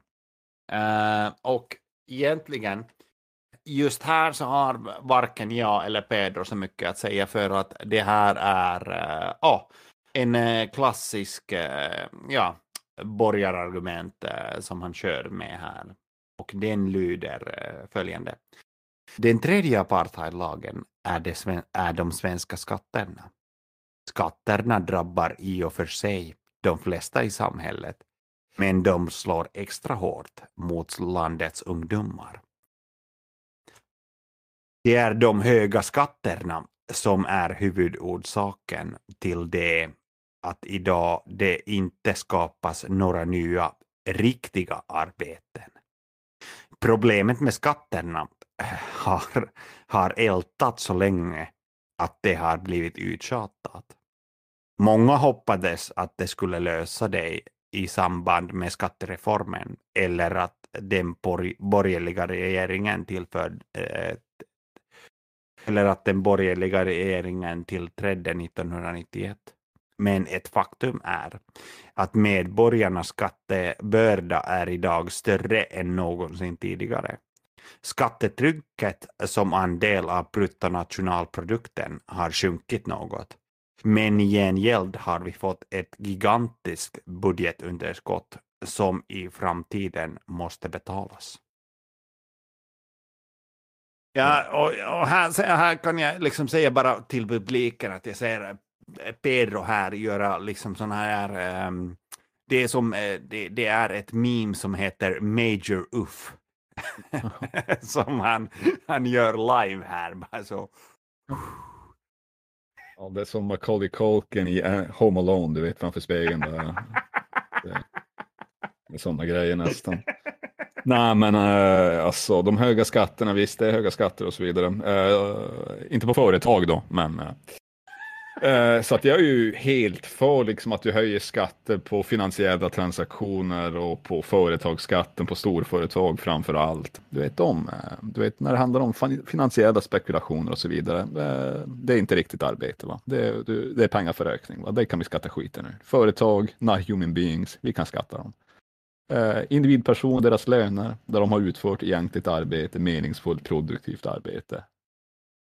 Ja, jag är med här. Sänk skatten på det, Ulf. Fine, inga problem. Men- Men jag älskar också det att han säger att eh, idag skapas det inte några nya riktiga arbeten. Och tidigare här så pratade vi ju om, han, om hans... Om hans eh, jävla arbete. Ja. Vilket av dem var ett riktigt arbete, Ulf? Och han själv skulle väl nog inte klassific- klassificera politik som ett riktigt arbete heller. Va? Nej. Och eh, Så- förmodligen inte att rita mindmaps heller. Vad Nej, det är du med? doodles på toaletten. Nej, det, det, är, det, är en bra fråga. Det är väl den här boken som hans bidrag. Till litteraturen. Mm.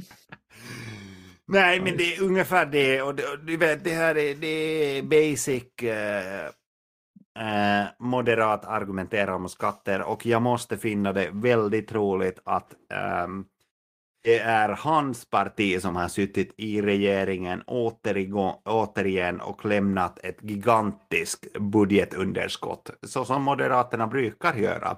Och sen skriva att ja, eh, gigantiskt budgetunderskott som i framtiden måste betalas.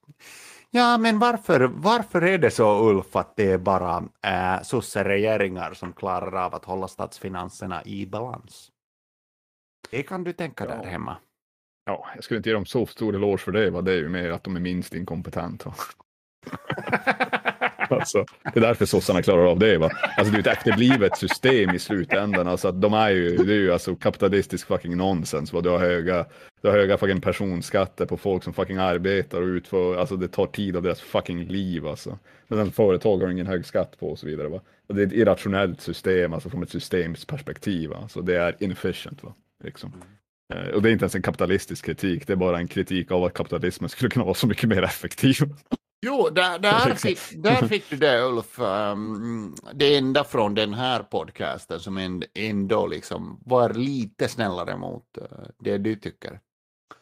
Ja, alltså det här är det närmaste man kommer att det finns någonting här i att jag är, med- vi är med i att sänka personskatter. va? Det, det är fine alltså, det, Ja, det är inga problem. Va? Men han vill inte göra det som måste göras, vilket då är att höja företagsskatterna för att bära upp samhället. För annars har du inga pengar att utföra saker och då blir det budget, budgetunderskott varenda jävla år som det är med de här idioterna. Va? De vill bygga nya fängelser nu va? och sådana där grejer. Det var stora så, samhälleliga jävla insatser. Men de ska dra ner alla skatter. Ja, okej. Okay. Lycka till med det. Du vill dra ner elpriserna, men du vill sänka skatterna. Och Hur fan ska det här gå till Ulf? Alltså? Det, det är sådana frågor man ställer sig och när man läser den här boken så förstår man att eh, det blir så här. Va? Det blir så här. Ja, och så eh, kommer vi till eh, sista delen av eh, ja, eh, apartheidlagar. Som lever hyresfritt i Ulf Kristenssons huvud här. Eh, Undrar om, och- han, undrar om han fortfarande tänker det här men vågar inte säga det något mer. Alltså han tänker bara, fy fan jag lever i ett apartheidland alltså. Han sitter och bara tänker, alltså det här är, kommer jag komma till himlen liksom? Har jag varit delaktig i apartheid? Är min själ, du vet, uppe för, du vet, alltså kommer Gud att kasta mig i helvete för det här? Alltså i så fall så, så, så leder han ju ett apartheidland. Ja, ja, han gör ju det. Nej, men det är ju en, en fråga som ni kan ställa er själva där eh, hemma som sitter och lyssnar. Är att hade ni varit i Frankrike mellan ehm, 39 till 44? Hade ni varit en medlem av eh, The French Resistance eller hade ni hållit huvuden nere? Som Pekka kanske hade gjort. Jag tänkte mer säga att, uh, jag tänkte mig säga att uh, jag och Pedro är en uh, katolik och vi katoliker, vi tror på himlen. Va? Eh, men vi tror också på njutningen av att se folk eh, som inte har levt väl eh, torteras och dö och lida i all evighet. Och vi får se det här från himlen, har Augustinus sagt till oss. Jag kommer att kolla på dig, Christer. Så. Jag tror inte ens på Gud. Men eh, om, det, om det finns, då kommer jag bli så jävla lycklig. För jag vet att jag kommer få göra det här. Jag vet det. Till uh, skillnad från dig så tror jag på Gud, men jag tror på en protestantisk Gud. Han har en spreadsheet, han har en plan. Och sin plan har han ritat ut i en flowchart. En mindmap till och med. Nej, först mindmap och sen flowchart. Ja, just det. Han är ändå Gud, du vet. Alltså, det, det, det, det, det är liksom... han är mer sofistikerad än en jävla mindmap. Du vet. Det är den där arkitekturella processen han måste följa. Men hur som haver, den sista apartheidlagen som Ulf har eh, gått runt och sett i sin vardag. Nummer fyra. Nummer fyra är, och så här skriver han, och, och jag tycker själv att det här är det absolut cringigaste han skriver i hela boken, är ungdoms, ungdomspraktikplatserna, Sveriges homelands. Den fjärde apartheidlagen är de statliga sysselsättningsprogrammen. AMS gav 1968 ut en bok med den upphetsande titeln Förändring och trygghet, arbetsmarknadspolitik i tillämpning. Är det Och här han- ironi från Ulfs sida? Eller? För Okej, jag, jag, ja, han, gör- han kan inte skämta, så jag vet inte om det här är upphetsande titel. Och, och det han gör här är att han jämför alltså sysselsättningsprogram, alltså ungdomsarbetspraktikplatserna, eh, med fucking homelands. Och för er som inte vet vad homelands betyder, Homelands var områden där de svarta fick bo i, i Sydafrika, även känd som Bantustans. Eh, och sam, sammanlagt fanns det elva stycken olika bantustans, alltså ett för Zulus, ett för Transkei, ett för Ziskai Ja. och, och så vidare, alltså olika tribes. Och sen så, de skulle gå ut till diamantgruvan på morgonen, jobba för den vita mannen och sen gå till din Zulu-tribe på kvällen. Och Ulf tycker här att det är helt i rimlig jämförelse att köra ungdomspraktikantplatser med fucking bantustans i, i apartheids Sydafrika. Ja, oh. ja, men du vet, det, det, there, there are subtle similarities som Ulf ser helt enkelt. Här. Det, det, vi har inte ett öga för det här riktigt som Ulf har, men han har tydligen identifierat så här, äh, slående skillnader. Skriver han någonting mer här om, alltså, han säger så här, äh, ungdom, ungdomspraktikantplatserna fyller samma funktion för den etablerade arbetaren som Homelands gör för den vita sydafrikansen. Så den etablerade arbetaren är här den vita personen. Alltså en arbetare som säljer sin arbetskraft är i samma position som en person som är vit i förhållande till någon som är svart. Va? Jag skulle säga att den liknelsen är mer rimlig mellan en arbetsgivare och en arbetstagare och så vidare. Men okej, eh, vi säger att det där håller då. Det där är en helt rimlig tolkning. Va? Då skriver han sen, om svarta, om de svarta inte hade erbjudits en frizon hade trycket på regimen blivit mycket starkare. Varför? Och vem? Det är en vit maktordning i ett fucking afrikanskt land. En minoritet har lyckats dominera hela jävla skiten. Alltså i värsta fall så skulle det utmynna i ett genuint alltså folkmord, alltså där folk blir fucking slaughtered va, innan någonting annat skulle ske alltså. Vad fan pratar han om? Alltså, de gick omkring och sköt ihjäl, riot polis gick omkring och mördade svarta för i helvete som alltså betedde sig illa liksom. Va? Som rörde sig utanför sådana här jävla områden och grejer. Va? Jag menar, inte ens våra fängelsen är, inte ens våra fängelsen är apartheid-liknande för i helvete alltså. Alltså mindre än jävla arbetsmarknadspolitik liksom. Ja, det är absurt alltså. Eh, men okej, de hade inte klarat sig vid det här trycket om det hade gjorts. Och han säger om de svenska ungdomarna inte hade erbjudits någon sysselsättning alls hade missnöjet med arbets Alltså med arbetet för ungdomarna blivit så högt liksom eller någonting så att det här är som en åtgärd för att göra att de här ungdomarna då som är 20 år gamla minst va. Eh, hade gjort uppror och inte vet jag, typ re, gjort en revolution mot staten eller? Vad fan pratar han om nu? Uh, uppfattar du det på samma sätt som jag? Ja, alltså han menar att hade inte de här ungdomsarbetsplatserna eh, funnits, då Ja. hade det blivit en revolution från de här 20 till 24-åringar. Precis. Och, och jag, jag vet inte hur påläst Ulf är här om Sydafrika. Men eh, alltså, det, det var... Eller hur det, revolutioner går ner. det, var, det var fucking, alltså om du läser eller bara fan tittar på YouTube, så det var i princip inbördeskrig i fucking 60 år i Sydafrika. Ja, det var krig. Alltså, Ja. vad menar han? Att ja, nej, det, men det var fredligt för att de släpptes in till sina bantustans och de höll sig nöjda där. Och alltså det var inte som det enda goda kriget, vilket är klasskrig. Alltså det var raskrig, va. Det är inte soft. Ja.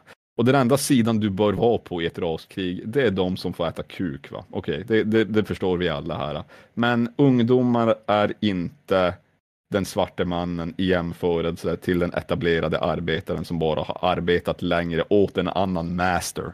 De båda är i det här, i, bo- i det här fallet så är både ungdomen och den arbetsförda eller den arbetserfarna arbetaren, alltså de är båda svarta här. I slutändan. Det är så weird att göra bara någon weird, eh, eh, klyva liksom mellan oh, eh, så här elitistiska eh, så här, arbetare som utnyttjar och diskriminerar mot. För grejen är ju att vita diskriminerar mot Eh, svarta. Eh, äldre arbetsförda diskriminerar inte mot, vi, alltså mot ungdomar. Liksom. Alltså, det är så jävla konstigt alltså. Nej, absolut. Och jag tror någonstans att det är där vi får det. Så Ulf har presenterat här för oss eh, fyra olika apartheidslagar. Som han tycker finns på riktigt. Um, jag tror så här att det här är, eh, för att ge han lite cred, är eh, kapitel två starkaste kapiteln som finns i boken. Ja, det är någonting Ehm, händer va? Ka- eh, precis, och det är där han droppar sina edge, edgelord uh, bomber. Eh, I kapitlet tre som heter Systemförsvararna så presenterar han faktiskt inga nya idéer utan det, att han, eh, det han gör är att han speglar upp sin bild av samhället så som det såg ut i början av 90-talet. Så jag tänker faktiskt inte gå igenom det. Men istället här har jag tänkt ut en fråga till dig, eh, Pedro. Jag dock Eh. att säga på kapitel två på de andra delarna, för det är egentligen där jag har skrivit allting. Okej. Ehm, just det. Köra vi, vad tycker du? Vill du köra vidare på kapitel 3 eller äh, kapitel 2? Nej, alltså, alltså det jag har skrivit, liksom, när jag börjar skriva saker, för att det är då han börjar föra riktiga argument. Va? Eh, han börjar prata så här va. Eh, mest pådrivande för att höja ingångslönen har LO varit. LOs företrädare brukar använda uttryck som låglö, eh, låglönesatsning och solidarisk lönepolitik när de driver sina löneutjämningspolitik. Va? Men med vilka är det solidariska? Tro inte att det i första hand är generositet som får dem att hjälpa fackmedlemmar som betalar deras löner. Det är definitivt inte solidariska med ungdomar som stängs ut från arbetsmarknaden och så vidare. Va? Det är mer eller mindre härifrån som jag börjar, typ. Eh, eh, alltså där jag börjar se argument från den här jävla idioten. Va? Innan det så vet jag inte, han har inte gjort några argument. Det, alltså, och det här, det här är ju det han gör eh, genom eh, gående i boken. Det är att han har ett, ett lite liksom, sån här roligt ordvits här med tillvidareanställning som han har benämnt istället som ah, livstidsanställning. Och sen så tänker han att okej, det är som att du tänker att du har ett riktigt bra skämt. Nå, må vara. Men ska du skriva 30 sidor om det så får du faktiskt bevisa något mer än att det tänkte, det tänkte, jag, jag tänkte på det här med min moderat kompis eh, Jonas på en eh, förfest i Östermalm. Ja, precis. Alltså det, eh, han är ju patetisk på det viset, men alltså själva innehållet är ju ännu, ännu märkligare. Alltså att jag försöker som, eh, alltså det jag förstår av det här är ju att det är en väldigt instrumentell alltså, vy av saker och ting. Du vet, när en uppgift är klar, då är du klar med den och alla sociala relationer upphör därmed. Va? Det här är en autistisk man, liksom, eller en man som inte har sociala relationer med folk. Liksom. Sådär. Eh, du vet, när du har ätit upp din mat vid matbordet, går du bara då? Nej, det gör du inte. Eh, Det, då hade din fru slagit ihjäl dig. Ja, eller hur? Visst är det så, Pekka? Ja, du gör inte bara det. Du sitter och så lyssnar du på hennes stories. Äh, så här ska jag säga Pedro, min fru hade gjort det. Men Ja. Ulfs fru, hon hade varit glad, äh, glad, blivit glad och ätit upp resterna som fanns på Ulfs tallrik. Ja, eh, han är ju något av en feeder. Men det är en topic för en annan dag. Eh, det jag försöker som förstå liksom, förutom att det här verkar gå arbetsgivarens intresse, alltså stick i stäv och sådär, eller alltså att det går deras, eh, ja, eh, han, går, han går dem till tjänst liksom, men eh, jag försöker förstå varför det här är ett bättre system och det enda man kan utröna är liksom att han ser ett konstant byte av arbetsgivare, för det är det som skulle ske i ett sånt här system ifall det ens skulle kunna existera på det här sättet. Va? Alltså det närmsta vi har kommit är typ Uber och sådana saker, men du byter inte arbetsgivare. Va? Du har bara en sämre relation till dem, en mer flexibel relation till arbetsgivaren, men du byter inte konstant. Men om vi skulle byta konstant, liksom, Ja, nej, absolut. Ehm, då, skulle det, då skulle det betyda att han ser att ett byte av arbetsgivare konstant som en positiv egenskap, som en frihet. Och alla långvariga relationer till en arbetsgivare som en ofrihet. Va?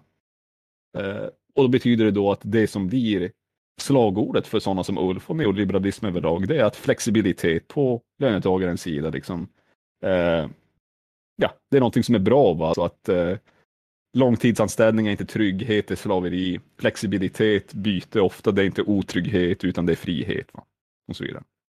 Eh, det är ungefär så jag försöker förstå honom här. Eh, ja, jag har inte så mycket mer att säga just om, alltså om det passaget. Men, eh, Nej, eh, men eh, har du något eh, du vill dra ur eh, kapitel två här? eh, Ännu för du hade nog flera tankar om det. än- Ja, jag hade. egentligen har jag ju det? Alltså, men det...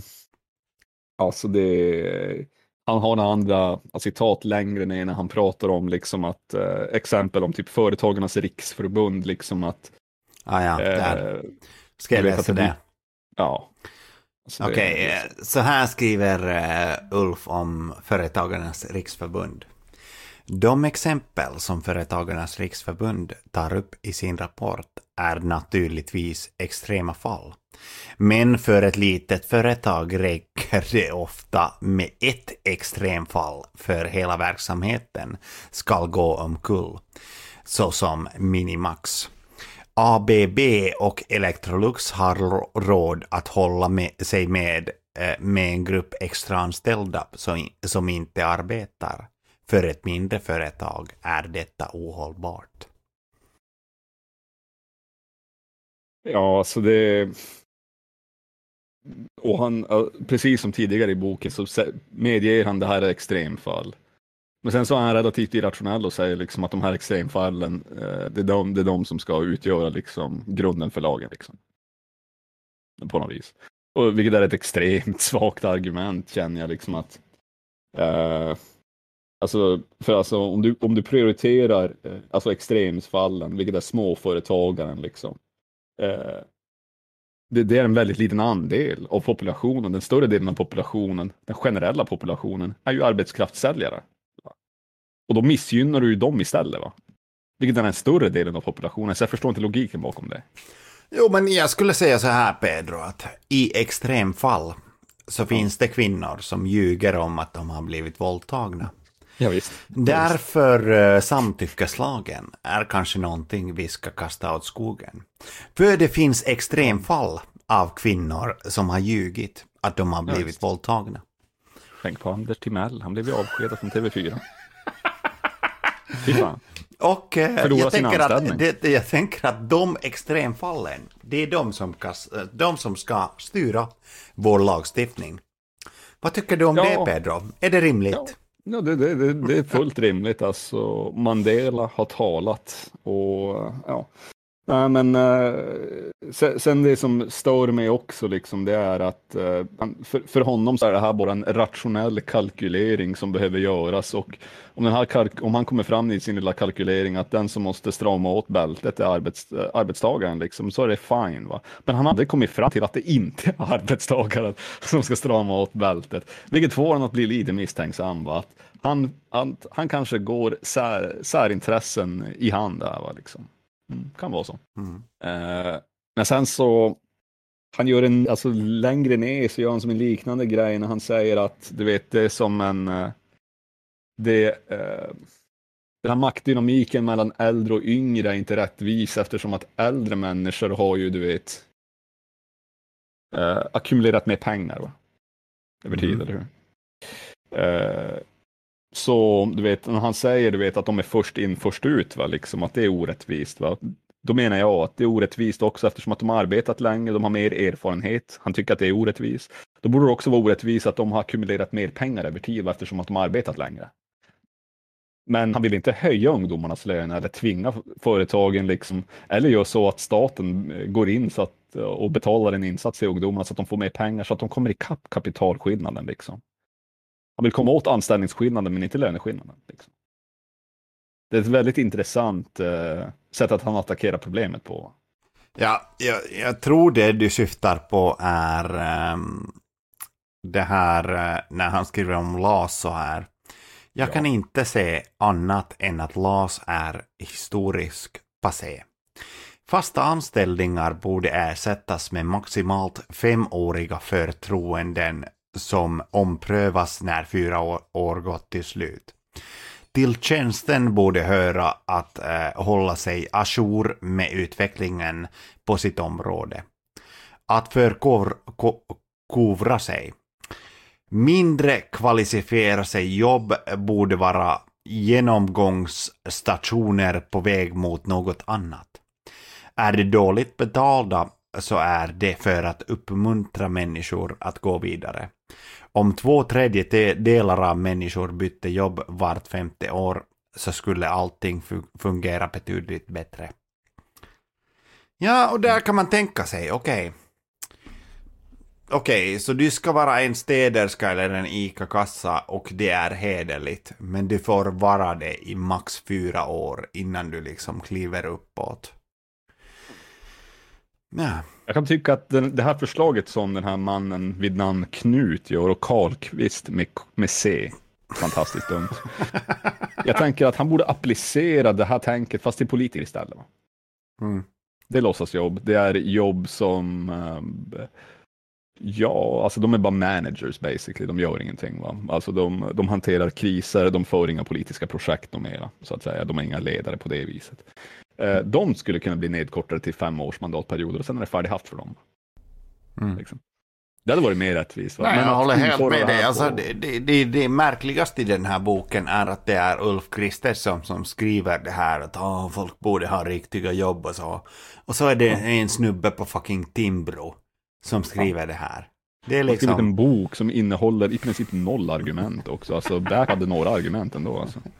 Det måste man Ja. ge den idioten. Och, och den, den diskussionen tar vi längre fram, men alltså... Jag tror inte det här är en bättre bok än uh, BAP. Uh, Nej, det är inte. Ändå, Absolut inte. ändå Den är mer förståelig att läsa på så vis att språket är mer normalt. Va? Men alltså idiotin eh, är inte mindre va? på så vis. Det, det, det tycker jag inte. Men alltså eh, sen så kanske det, det absolut sista jag har att säga om det här det är att några passage längre ner va. Det här är inte så mycket en intellektuell sak som det, fast det kan bli det, ja, vilket är sjukt va, men det är han gör en liknelse mellan äktenskap och LAS. Kommer du ihåg den här, Pekka? Nej, Är du nej kör, kör den. Okej, det här är ett jävla citat av Ingemar Ståhl som han tar och han skriver så här, Ulf då. Ingemar Ståhl har påpekat det ironiska i att anställningsskyddet infördes samtidigt som äktenskapslagen luckrades upp. Och då skriver Ståhl så här tydligen. Arbetsrätten verkar ha tagit över regler från den gamla äktenskapsrätten där parrelationer betraktades som livslånga och uppsägning eller annullering av kontraktet endast kunde ske efter saklig grund, främst osämja och otrohet. Eh, varken skilsmässor eller livstidsanställningar har dock bidragit till att göra livet lyckligare för deras barn. I Sverige verkar det vara vå, eh, fan står det, värre att förlora arbetet än att förlora sin familj.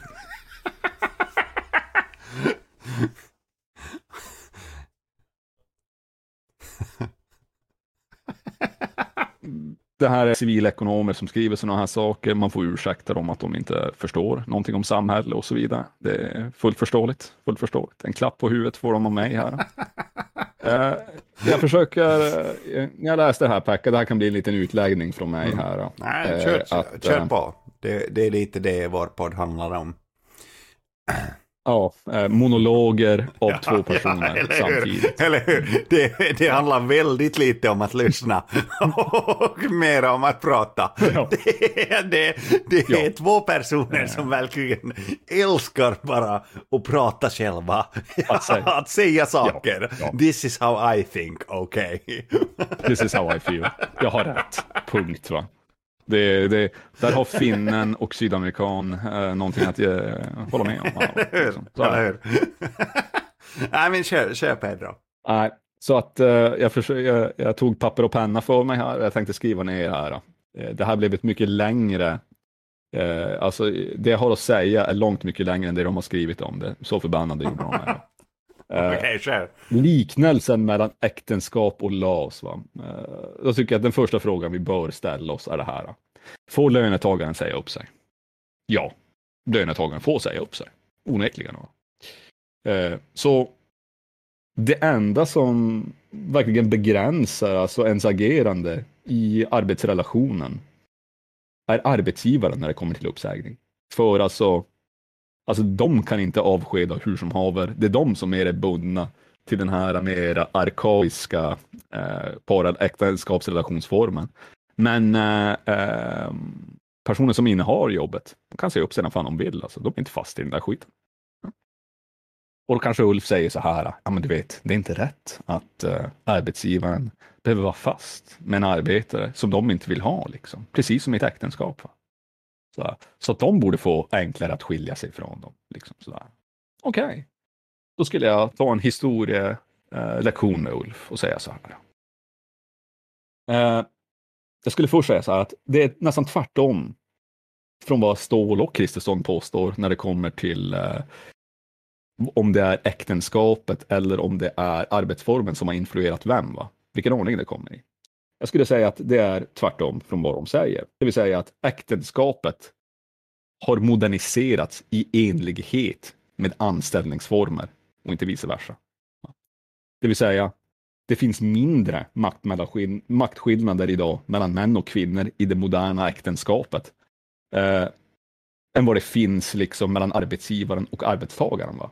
Den är mycket mer likt feodala relationer mellan en man och en kvinna, där till exempel arbetsgivaren representerar mannen som har pengarna då, som får äga marken. Va? Kvinnan har ingenting. Va? Det hon har är att hon har gift sig med den här mannen och hon kan ge honom barn. Va? På samma sätt som lönetagaren kan ge arbetskraft åt arbetsgivaren. Va? Och mannen i det äktenskapet skulle ha fått rätten så som Ulf vill att arbetsgivaren ska få rätten att avskeda en arbetstagare när som helst. Då säger jag så här. Eh, då hade förtrycket över kvinnan blivit ännu värre än vad det var på den tiden, eftersom att inte bara det är hon fast med den här mannen och han har alla pengar, men han kan kasta mig ut på gatan när fan han vill, utan pengar. Det är det här vad som skulle hända med, arbetsgiv- med lönetagaren i den här situationen. Va? Eh, arbetstagaren skulle bli ungefär lika, ungefär lika maktlös som eh, kvinnan i ett äktenskap på fucking 1700-talet. Va? Eh, så hela den där analogin va, är det man skulle säga på engelska, fucking ass backwards. Va? Eh, han har missförstått, han har inverterat hela jävla förhållandet. Va? Eh, alltså det är ganska enkelt att kunna dra, jag förstår inte att han tog den här, för att det här är som ett direkt motargument mot dem. Alltså du kan dra en liknelse mellan mannen och arbetsgivaren då de båda är kapitalägarna i förhållandet. Kvinnan har mindre rättigheter som en kvinna i relationen, arbetstagaren mindre rättigheter och mindre makt framför allt än vad arbetsgivaren har i relationen. Va? Det är mer eller mindre en fucking one-to-one liknelse som man bara har fucking gått in i som när någon kliver på en jävla kratta ute i trädgården. Alltså. Det är så jävla dumt alltså att han gör det här. Jag blir nästan förvånad alltså. Äh, men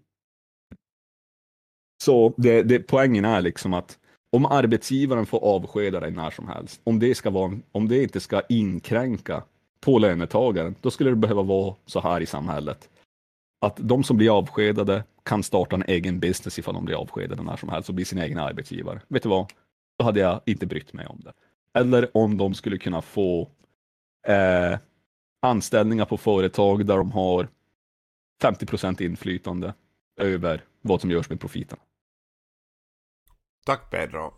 Och um, här tänker jag nästan att vi ska röra oss eh, vidare i eh, boken till uh, kapitel 3.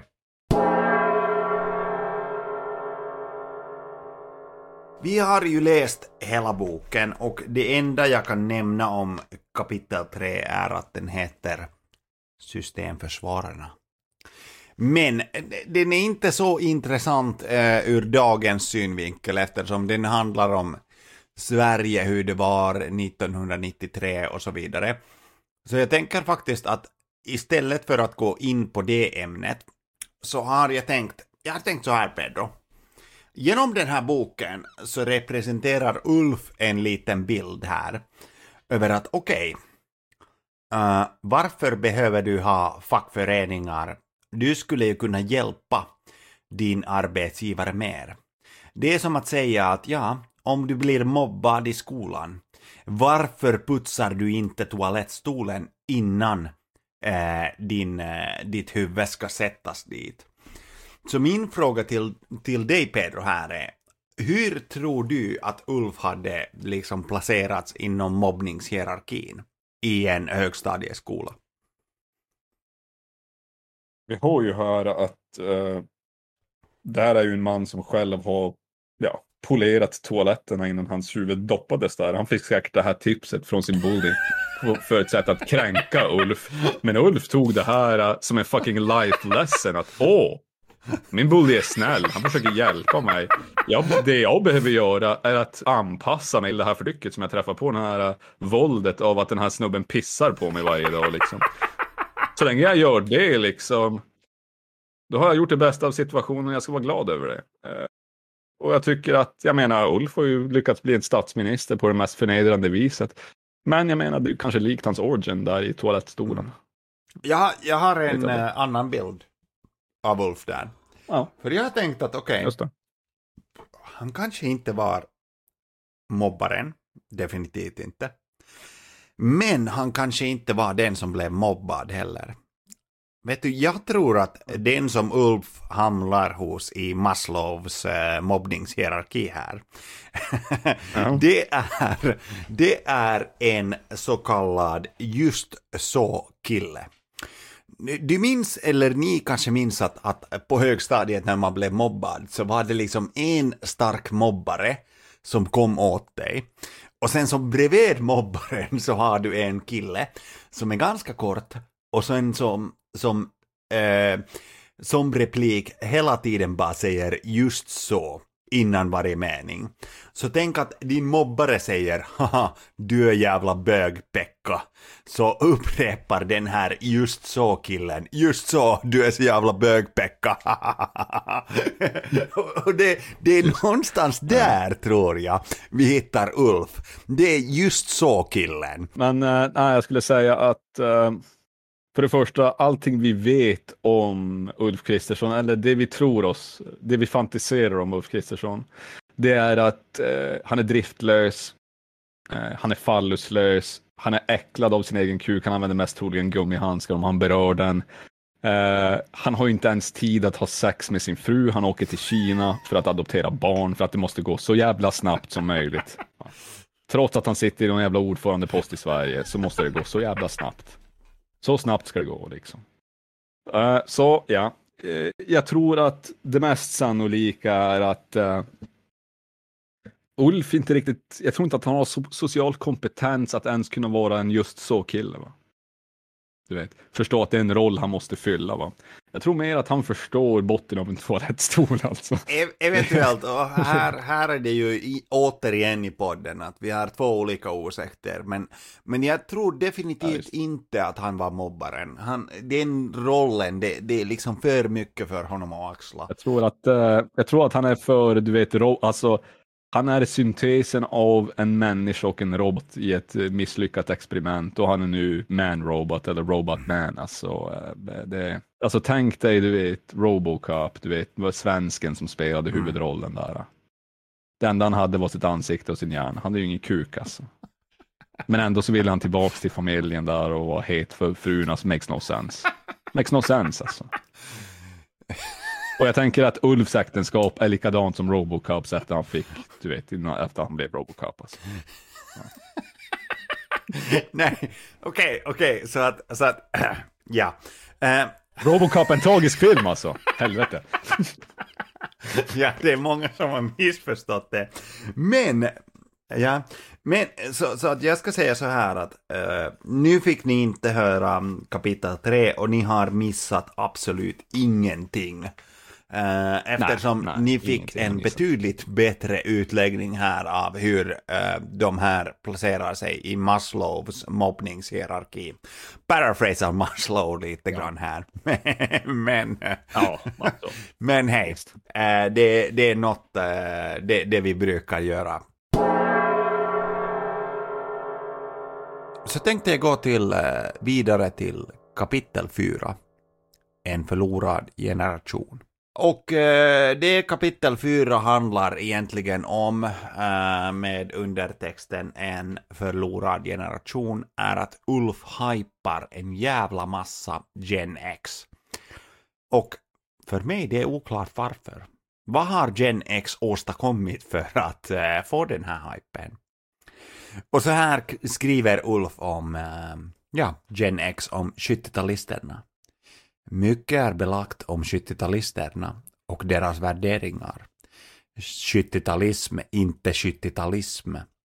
Det senare är vad våra föräldrar hänger sig åt när de behåller den tjocka heltäckningsmattan i badrummet, de bruna dörrposterna och fortsätter dricka hemkört vin. Eller använder löjliga uttryck, uttryck av typen som en viss potentat läser Bibeln. Deras barn reagerar enligt Douglas Couplands Generation X med åldersbetingad genans. I grova drag finns det två rakt motsatta scenarier, eller rättare sagt två motsatta attityder, som kommer att leda till två helt olika grupper i samhället. Två olika sätt att hantera kris och arbetslöshet. Två olika livsstilar. De drar helt olika slutsatser av arbetslösheten. Och Skjut mig i ansiktet. och, och, och vet du, alltså. i kapitel 4, alltså hittills har det varit liksom en civilekonom som vi har sett här. Men här i kapitel 4, han, han försöker ge oss en bild av att han kan göra någon typ av litteratur eller kulturell analys. Eh, vilket är sorgligt när borgare försöker göra det.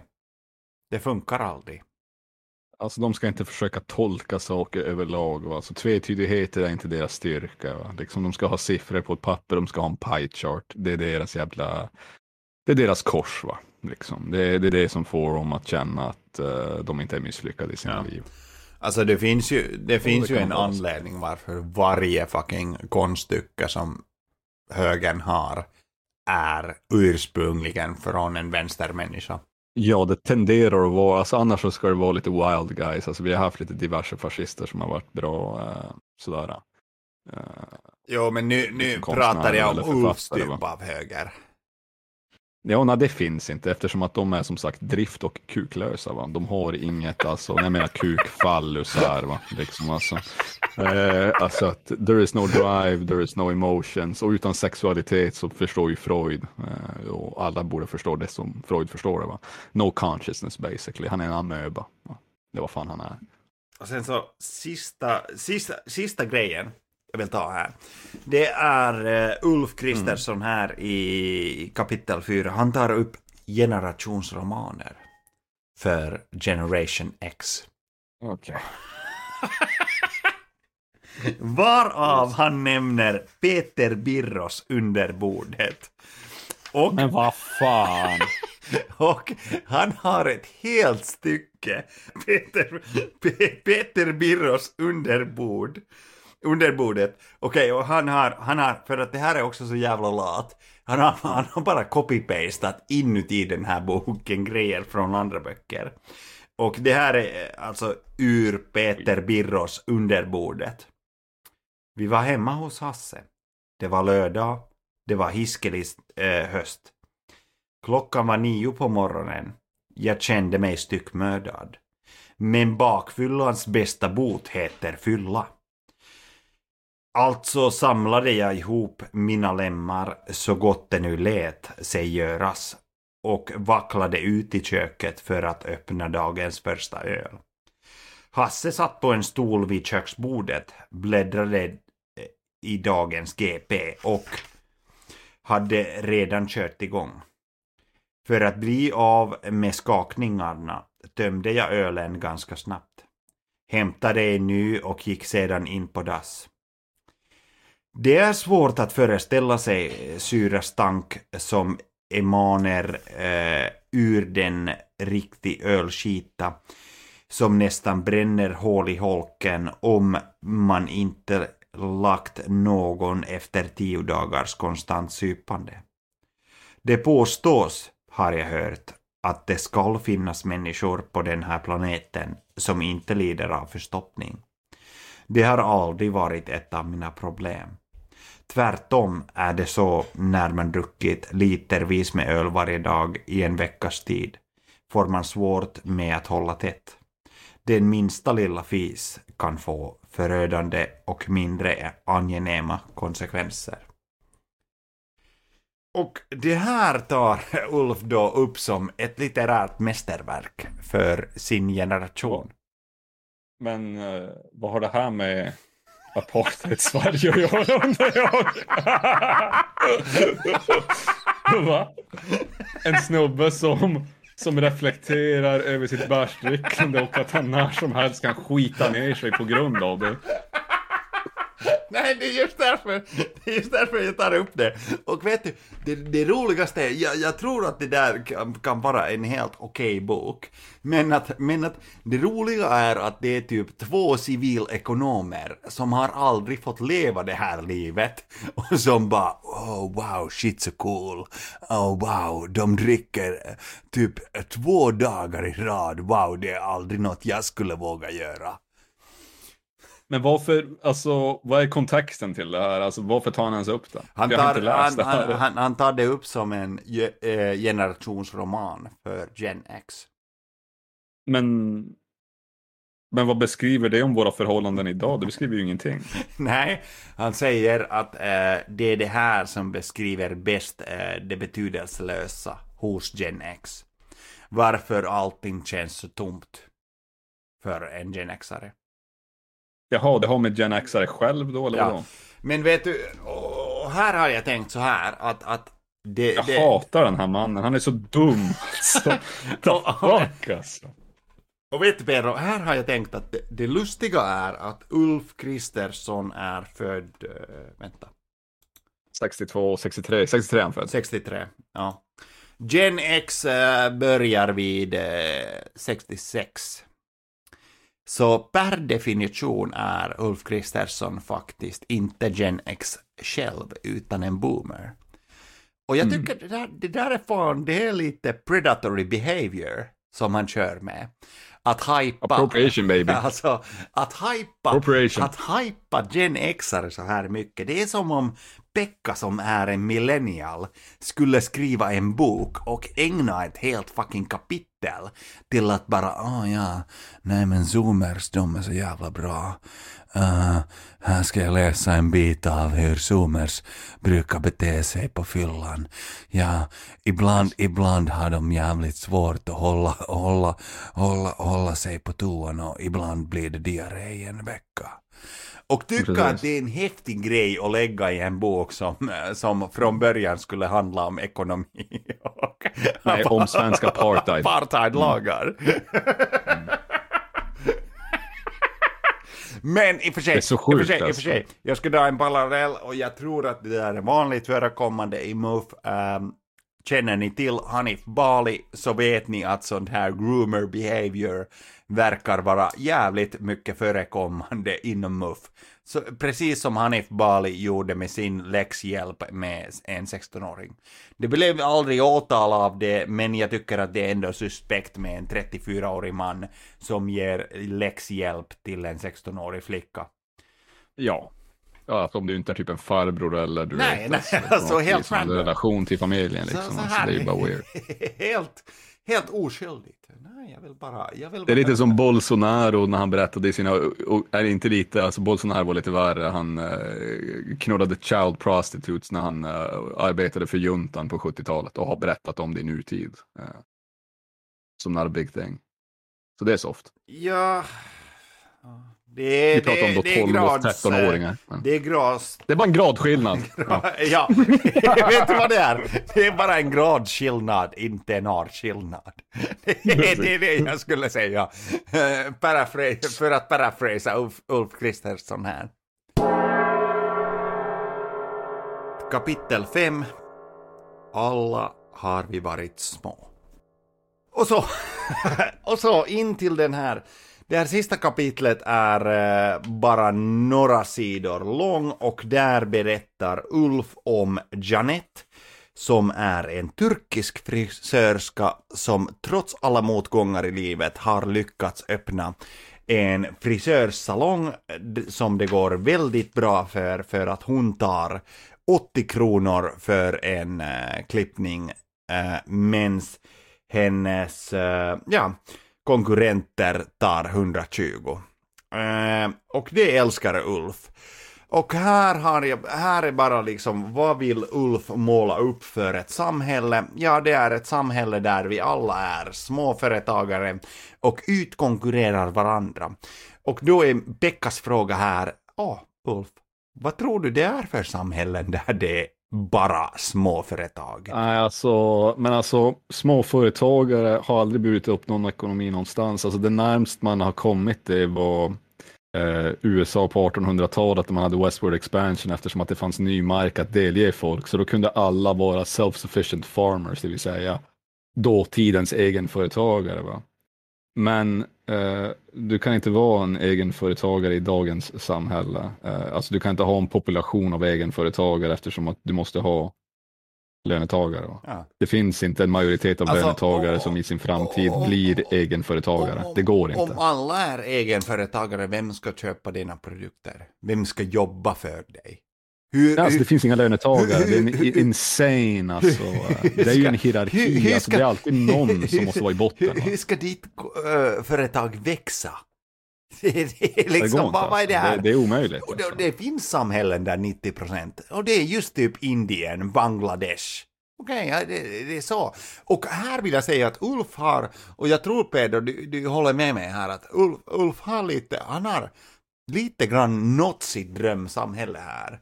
Genom att vi har en massa... Vi lever i hans drömsamhälle nu alltså. Alltså, Foodora och eh, Wish och såna vidare chaffisar och så, de är ju inte anställda av någon. De är egenföretagare. Eh, Jag har ju, eh, alltså min idé för Ulf här, jag vill att Ulf genomför det här. För att det visar att han står bakom sina ord. Va? Jag vill att han skaffar en app.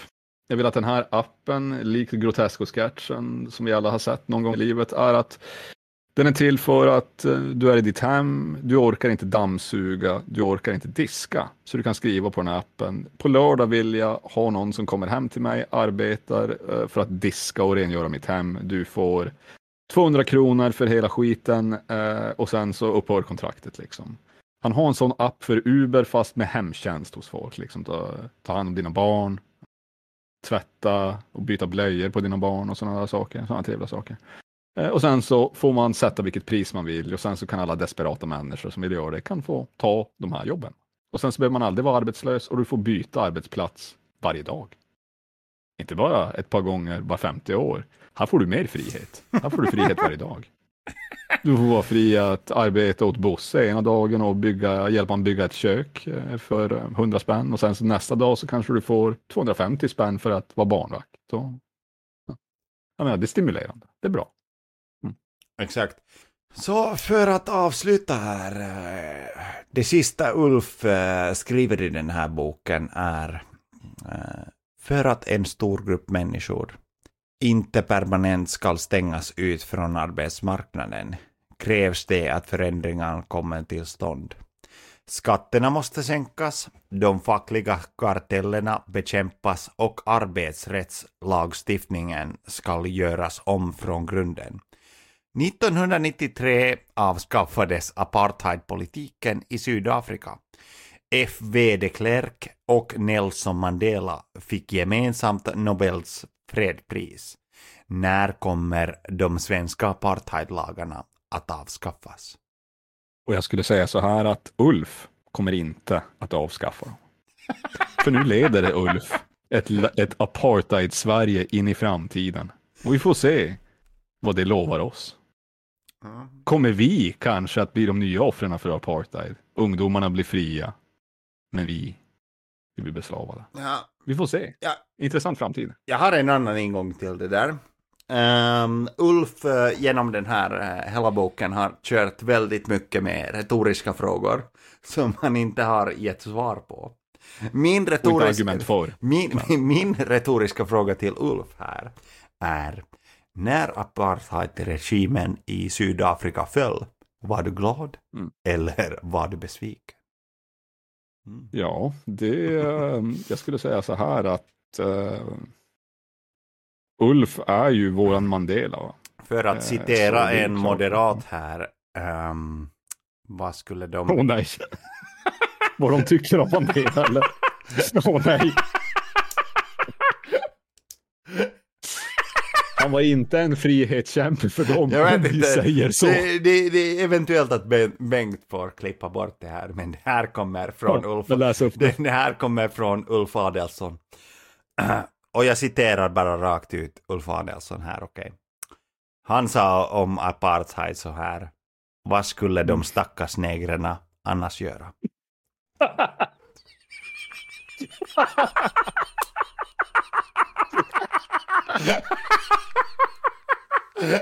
I slutändan så tror jag nog ändå att det här är det Ulf tycker om ungdomar egentligen också.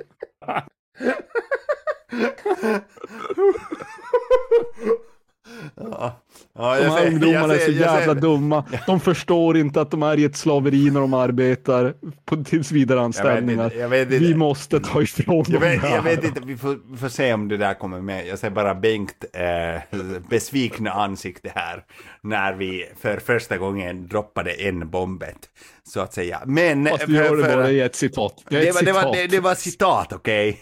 Cancella inte mig för det. Hur som haver, okej Pedro. Ehm, det sista här nu. Slutord om eh, den här boken. Eh, det är ju andra bok som vi läser nu. Hur skulle du själv säga att den här, eh, sist läste vi ju eh, Bronze Age Mindset av eh, Bronze Age Pervert. Och nu har Ja. vi läst Ulf Kristerssons bok Non-Working Generation. Eh, Tror du att det finns likheter eller eh, vilken skulle du föredra av de här två om du var tvungen att välja? Om vi tar den klassiska, mm, vad heter det, scenariot, du hamnar på en öde ö. Ja. Du får en jävla bok med dig och du måste välja den värsta boken som existerar. Eh, eller du får välja mellan de två värsta Ja, ja, böckerna. ja, ja. Och så måste du välja den som är minst värst. Det måste vara lite rationellt ändå. Ja. För vem fan ska du välja, du vet. Ja. Eh, vet du vad? Jag skulle välja Ulfs bok. Och jag skulle göra det för att torka mig i arslet med den. Och sen så skulle jag bränna upp skiten. Eh, det är mitt svar. Bra, tack där Pedro. Varsågod. Men hör på barn. Eh, jag tänker som pappa Pekka här. Att oberoende vilka ni är i livet. Eller vad ni gör. Mm. Eller att ni har gjort misstag i livet. Mm. Det kommer inte det. betyda någonting. För att ni kan ha varit 32 år gamla och jämfört de svenska arbetsmarknadslagarna med apartheid och släppt en bok där ni beskriver det i detalj. Ni kan eh, ha haffat till er en lägenhet som skulle egentligen gå till, gå till hemlösa och svårt sjuka kvinnor. Men till slut blir ni Sveriges, Sveriges statsminister. Det är lite det som är lärdomen idag. Bry inte er om vad ni gör idag. Ni kan fortfarande bli Sveriges statsminister. Och ni kan gifta er med en präst i Svenska kyrkan. Ni kan det. Ja, det är det. Det är det. det, är det. Bara, bara, bara ni själva står för maten. Men, eh, Pedro... En dyr affär. Men ehm, tack så mycket för alla ni som har eh, orkat lyssna. Eh, det här är podden eh, Pedro och Pekka. Eh, har ni lyssnarfrågor så får ni gärna mejla dem till pedropekka.proton.me eller till mig på Twitter där jag heter att trollitrollinen. Det var att trollitrollinen. Och eh, jag tackar eh, för dagens avsnitt och säger moj moj och Pedro säger Klär jävligt varmt i vinter, för det kommer att bli kallt. Jag trodde du skulle säga, jag trodde du skulle säga, säga adios men okej. ja. Den här gången, nu ger jag varningar. Adios. Ni får den world.